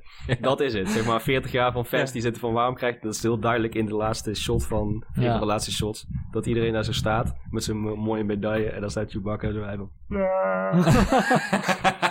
Waarom heb ik er geen? maar zit er, Super zit er nog een beetje, ja, wou zeggen, zit er niet zo'n beetje ra- racistische ondertonen Ja. aan hoe Chewbacca Oh, daar ga je weer. Nee. Nee, maar als in, zeg maar, bedoeld. Duurde lang. Wauw. Dit is echt, dit is racist. Wauw. Nou, eh, wanneer ga je naar huis eigenlijk? Goeie vraag, wanneer jullie naar huis? Maar wat ik wilde, wat, wat, wat ik, wil, wat ik nog wilde benoemen was, het ergste vond ik nog wel, dat op het einde zij zegt dat ze Skywalker is. Ja, Oh, zat- ja. Ik oh, zat te ben ik kijken Helemaal en vergeten. het niet hoe gebeurde, zeg maar, het gebeurde en je, zeg maar, je voelde het aankomen, je voelde het aankomen. Ze voelde- En ze is aan het twijfelen, naar, naar, naar het lucht aan het kijken en ik voelde maar en ik dacht, nee, nee, nee, je kan dit niet doen. Je kan niet een goed Het is- einde pretenderen te geven doordat iemand andermans achternaam steelt. Nou, niet stilt, maar gewoon liegt tegen iemand. Want wat, wat jij zegt is van, dat gevoel had ik ook, dat ze dan zegt, maar wat is je achternaam eigenlijk? Dat je dan zit van, eh, maar dit ga je toch niet menen? Ga, gaat, ze, gaat ze Skywalker zeggen? Ja. Gaat ze Skywalker zeggen? Nee, dat zal ze vast niet doen. Skywalker. En dan zeg je van, je fucking bitch. Waarom, waarom zeg je niet gewoon iets anders dan dat? Maar het punt is, de, de film ging ook over het feit dat het niet... eh, kijk, Palpatine zegt de hele tijd, je bent mijn familie, je bent mijn eh, kleindochter, dus je bent ook een bad guy, dus je gaat ook deze voetstappen treden. En de film gaat erom, het gaat niet om waar je vandaan komt, het gaat erom wat je kiest, Tja. bla bla. Iedereen pakt zijn eigen weg, komt, ze komen van, van bad momenten gaan, worden een goede persoon, dus je kan je eigen pad kiezen.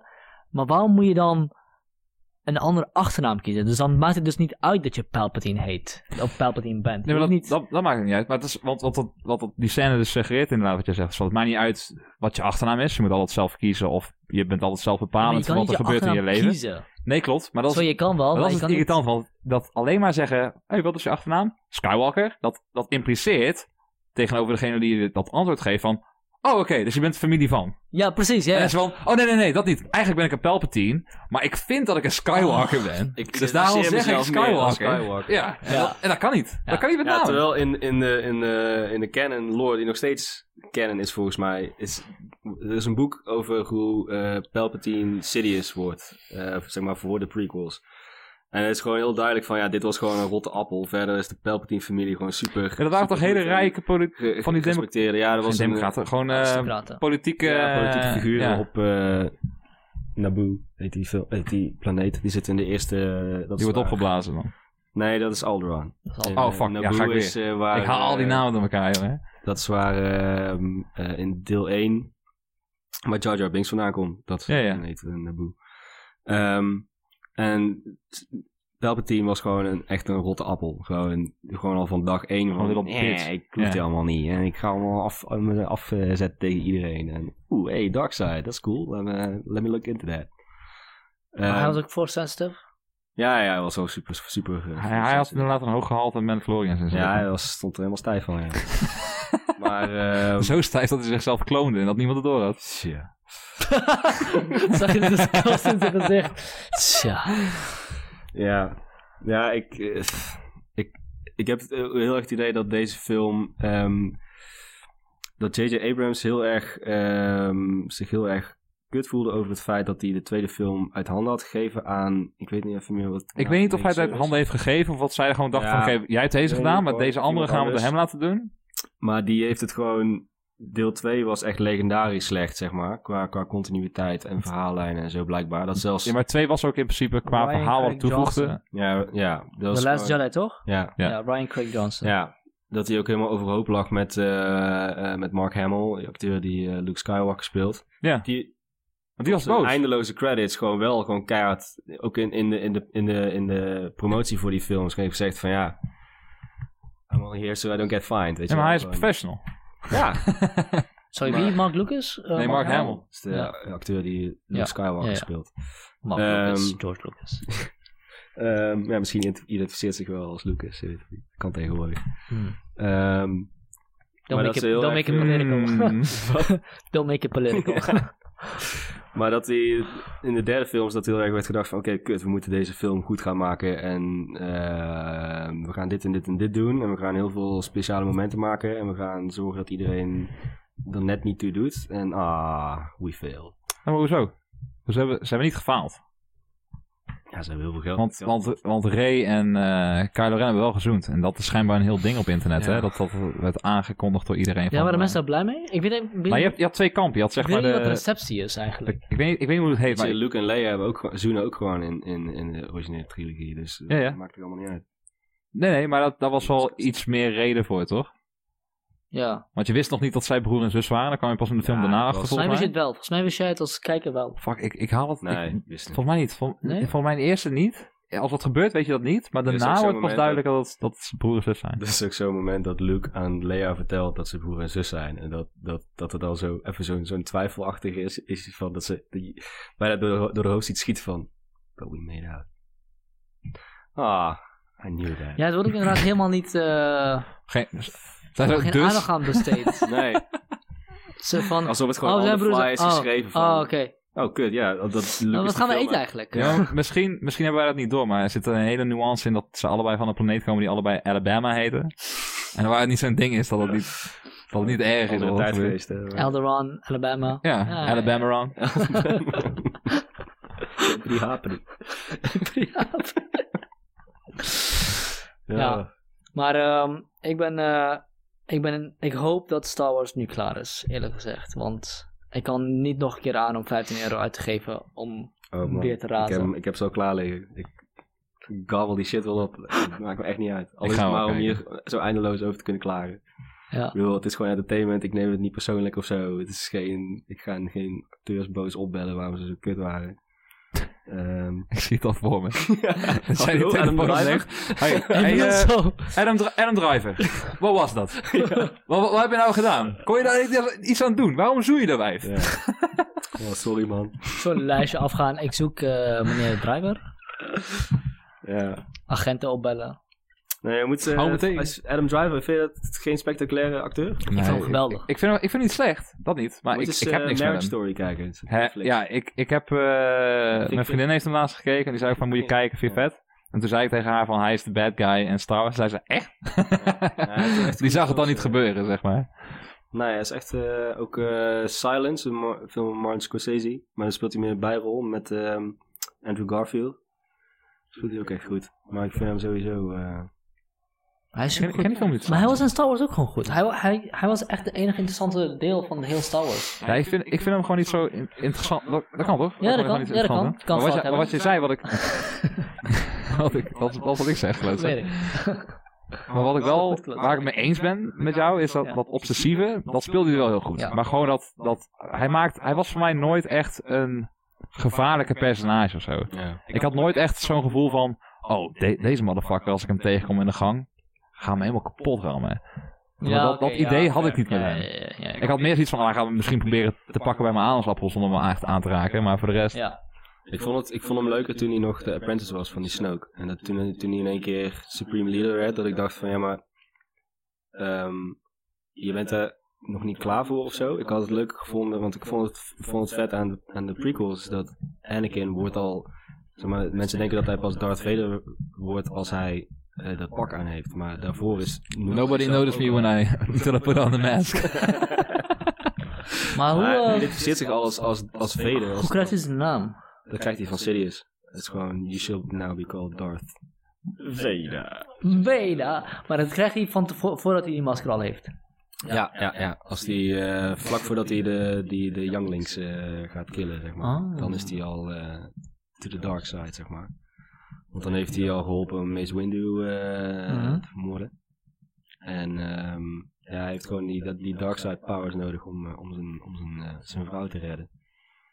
Maar uiteindelijk killt hij haar dus. En dat is een, dat is een torment. Dat is ook een vorm van redden, toch? Maar dat is dus een, zijn eeuwige torment. Maar eh, hoe zit, dat, dat, is, is de dark side zeg maar een threshold waar je he- overheen gaat of is het meer een spe- spectrum? Ja, snap je wat ik bedoel? Is het zeg maar, je bent nu 80% bad, dus nu, ben je, nu krijg je de naam Darth Vader of is het je moet over een grens heen? Nou, volgens mij hoe ik het heb meegekregen, in ieder geval door al die Star Wars shit, de films en de spellen en zo, is dat Mhm. de dark side wel echt een keuze is. Dus van, je, het is niet van, oh, hoe handel jij? Dan gaan we even kijken op deze grafiek waar, eh, waar je eindigt. Het is meer van, nee, het is echt een, een overgave aan een soort principe hoe je handelt in, ja. met, met situaties en wat voor, hoe noem je dat, een soort techniek die je toepast met de Force.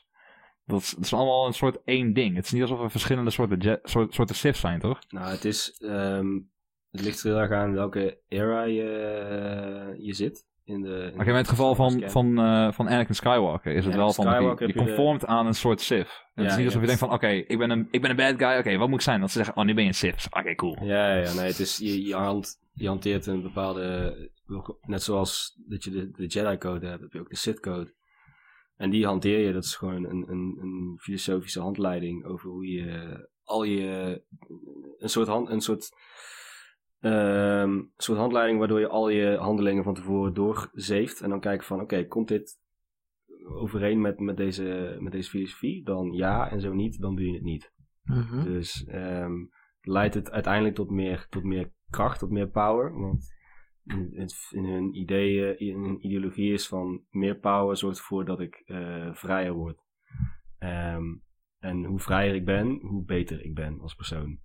Mhm. Ehm, dus daarom zijn ze in hun core egoïstisch, omdat ze zich niet binden aan andere mensen, omdat dat alleen maar zwak eh, zou zijn. Ja. Ehm, en dat is ook hun eigen downfall, is dat de- hoe de Sith gestructureerd zijn in de films. Eh, heb je Wacht, volgens- even, even een vraag daarover. Waarom komt het dan altijd erop neer dat de, dat de Sith-meester wil dat de Sith-leerling hem doodmaakt? Omdat, nou, dat komt dus eh, voort uit de Rule of Two, heet dat dan. Eh, dus dat er altijd één eh, Sith Lord is die de kracht embodied. En één Sith Apprentice die de eh, kracht zou craven. Ehm, moet craven. Ehm, Mhm. En dat komt voort uit een, eh, zeg maar, wat de Old Republic wordt genoemd. In die tijd dat je, zeg maar, de Sith en de Jedi waren ongeveer op dezelfde manier gestructureerd. Je had een Jedi Academy, een Sith Academy en daar ging je naartoe. En dat was, ja, wel gewoon best wel Spartaanse opleiding natuurlijk. Gewoon, dus de, de sterkste komen bovendrijven. Maar er zijn er heel veel die komen bovendrijven. En die zijn allemaal Sith. Ehm, en die gingen dan gewoon als twee legers tegen elkaar vechten. En toen kwam er één Sith Lord, Darth Bane heette die. Ehm, en die zei eigenlijk van, oké, waarom wordt het Darth? Want Darth is een titel, een hele, zeg maar, de hoogste titel die je kunt halen in de Sith. En die werd toen niet meer gebruikt. Er was alleen Lord eh, werd gebruikt. Ehm, en toen werd er eigenlijk uitgelegd van, ja, de Darth-titel was iets wat, ehm, eh, iets om naartoe te streven. Waardoor er heel veel infighting plaatsvond binnen de Sith. Mhm. Dus als een, een legereenheid is het natuurlijk desastreus om te hebben. Dus toen hebben ze die Darth-titel hebben ze afgeschaft. Zodat iedereen gelijk was. En Darth Bane noemde zichzelf toen ook Darth Bane. Met het idee van deze, deze manier van denken eh, zorgt er alleen, eigenlijk alleen maar voor dat alle individuele Sith nooit tot hun hoogste piek kunnen bereiken. Omdat ze altijd teruggehouden worden door je moet gelijk blijven. Mhm. En toen heeft Darth Bane heeft toen op een bepaalde manier, daar is een heel boek over geschreven, heeft hij ervoor gezorgd dat alle Sith die toen bestonden eh, eh, doodgingen. Ehm, dat hij de enige was die over was, die alle kennis in zich had. En hij was ook gewoon veel sterker dan alle andere Sith bij elkaar. Of niet bij elkaar misschien, maar in ieder geval. Ehm, want dat was dus het idee dat er een, een, een sterk iemand was, die een aantal apprentices onder zich hadden. En voor die apprentices, om, die waren, moesten allemaal ambitieus zijn. En om, om hoger te komen moesten ze hun master doodmaken. Maar individueel, head-to-head, konden ze hun meester niet doodmaken. Dus dan gingen ze samen gingen ze die meester doodmaken. Wat dus ervoor zorgde dat ze allemaal eh elevaten. Mhm. Maar individueel waren ze zwakker, zeg maar. Mhm. Dus toen heeft Darth Bane heeft die Rule of Two geïnstalleerd. Van oké, er moet altijd maar twee Sith zijn. eh, en dus een meester en een apprentice. En dat is zo eindeloos doorgegaan voor iets van duizend jaar. Ik wil zeggen duizend, waarschijnlijk is het tienduizend, want het moet altijd dramatischer zijn. Totdat je dus uiteindelijk bij... 100 million years. Totdat je uiteindelijk bij Darth Plagueis en Darth Sidious komt. En Darth Sidious was dus de apprentice van Darth Plagueis. En daar wordt ook over gepraat in... En Darth Sidious is Palpatine. Spoilers, jongen. Ehm, dus Darth Sidious eh, die heeft dus Darth Plagueis eh, vermoord. Want dat is dus het idee. Uiteindelijk wordt de apprentice Ja. zo sterk dat hij de eh, Ja. meester kan supporten. Of de meester maakt hem dood en hij is weer een nieuwe apprentice. Precies. Totdat hij een keer afgemaakt Ja, wordt. precies. En dat is dus het idee van wat eerst Darth Maul was. Darth Maul was dus de apprentice van Sidious. Maar die heeft hij nooit echt serieus genomen. Het was meer gewoon een soort Een van placeholder, henchman inderdaad. Side apprentice. Ja, Hij, dat kon je al weten, omdat hij zo vroeg in de film tevoorschijn kwam. Van, dit is niet echt de bad guy. Ja, Ik zit echt pas een half uur in deze fucking bioscoopzaal. Die gaat echt niet, dit is echt niet het einde van de film. we moeten nog 2,5. Ja. Ehm, en dus, dus op die manier is, is, eh, was ehm Sidious dus al heel lang bezig om een, een worthy apprentice eh, te vinden. Ehm, want het idee van Darth Bane was, oké, we- de Sith gaat in hiding. De, de- we hebben de Jedi laten doen geloven dat we zijn verslagen. Dat we allemaal dood zijn. En dat wordt hun zwakte, want nu gaan ze op hun lauwen rusten en worden ze zwakker, terwijl wij onszelf weer van de grond af aan het opbouwen zijn. En dan komt er een moment ergens in de toekomst dat we op de perfecte positie zijn om gewoon toe te slaan.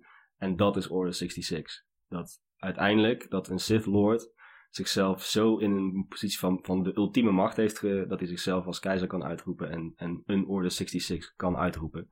Do it. En ja, precies. Eh, ehm, en dat is dus de hele, de hele episode 3 eigenlijk, eh, wat er dan gebeurt.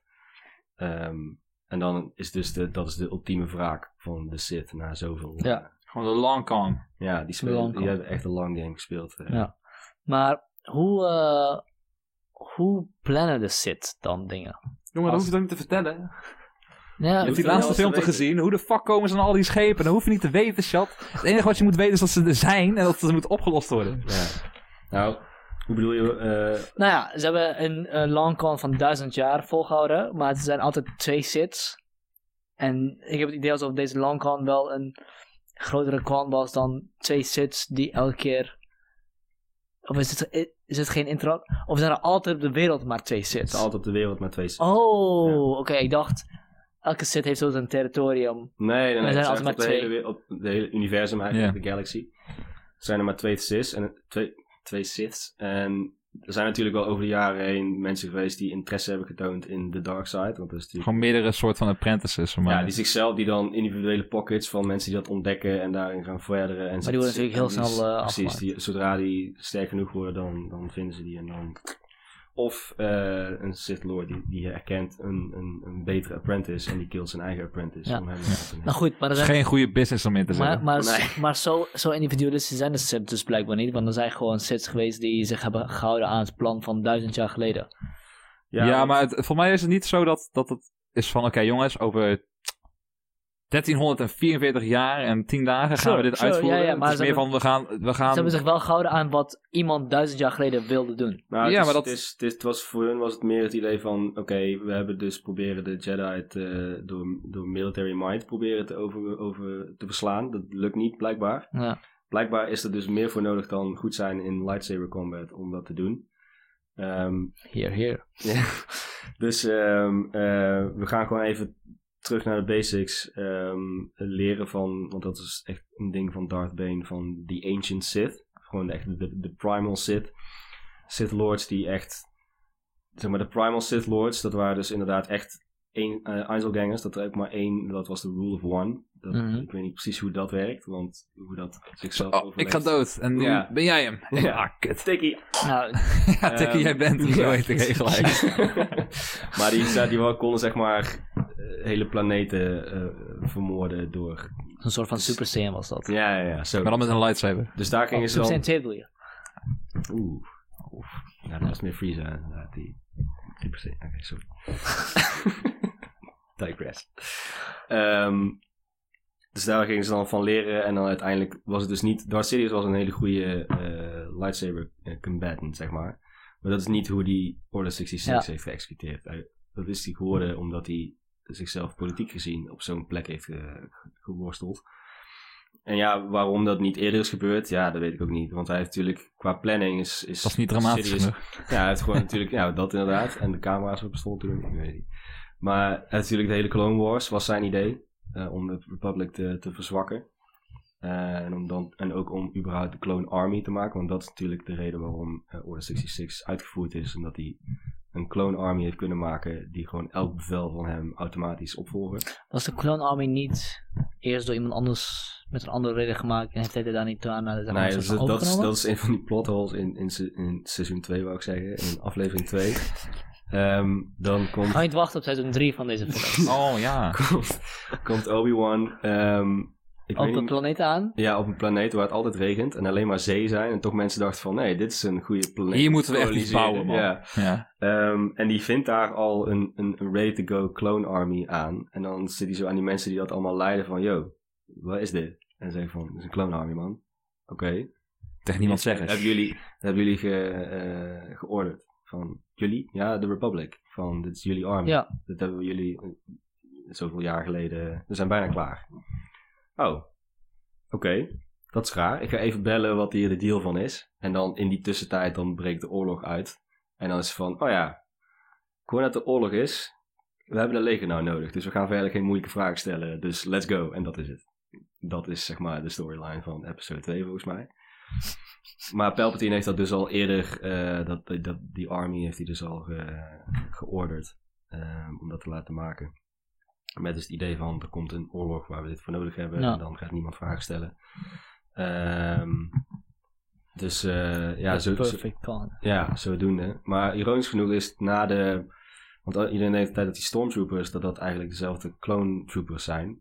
Maar dat is niet. Dat zijn gewoon, net zoals Finn... ehm opvoede- wezen Ja, op, kinderen. Ja. Biologisch geboren eh, mensen, zeg maar. Waarom hij dat heeft gedaan, weet ik niet precies. Eh, want die clone troopers zijn natuurlijk ideaal eigenlijk. Want die volgen gewoon alle bevelen meteen op. Maar op een gegeven moment gaan ze gewoon op, toch? Ja, het is gewoon zo, zo Nee, echt, jong, echt jong worden ze toch ontvoerd. Dus het idee is dat ze gewoon niks anders kennen dan dat. Dus dat ze wel luisteren. Ja, maar die clones Ja, ook. die clones worden geprogrammeerd. Ja, ja, ja, ja, oké, maar, maar dat is het idee ervan. En dat, eh, dat je sommige mensen als die Finn en in die laatste film dus eh, al die andere mensen krijgt te zien die ook zo, eh, stormtroopers waren in het verleden. Dat is gewoon van, dat zijn gewoon de uitschieters. Want ze hebben natuurlijk miljoenen van die, van die kerels. Ja. En van die vrouwen. Dus ja, die zijn er wel heel veel. Die clone troopers zijn uiteindelijk wel allemaal afgedreven en zo. Want het waren allemaal clones van eh, niet eh, Boba Fett, maar eh, Django Fett. Van de, de vader van Boba Fett. Papi. Van Boba Fett. Papi vet. Ja. Dat was zijn, zijn, zijn, zijn deal. Kreeg ik even geld voor. Alright. We hebben een beetje alle Star Wars wel... ja, natuurlijk zijn er spelen Nee, jij, wilde gewoon een einde ik Maar, eh Ja. ja, toch? Je kan nog uren doorpraten over van alles en nog wat. Maar jij, Ik voel wel een beetje aan het einde.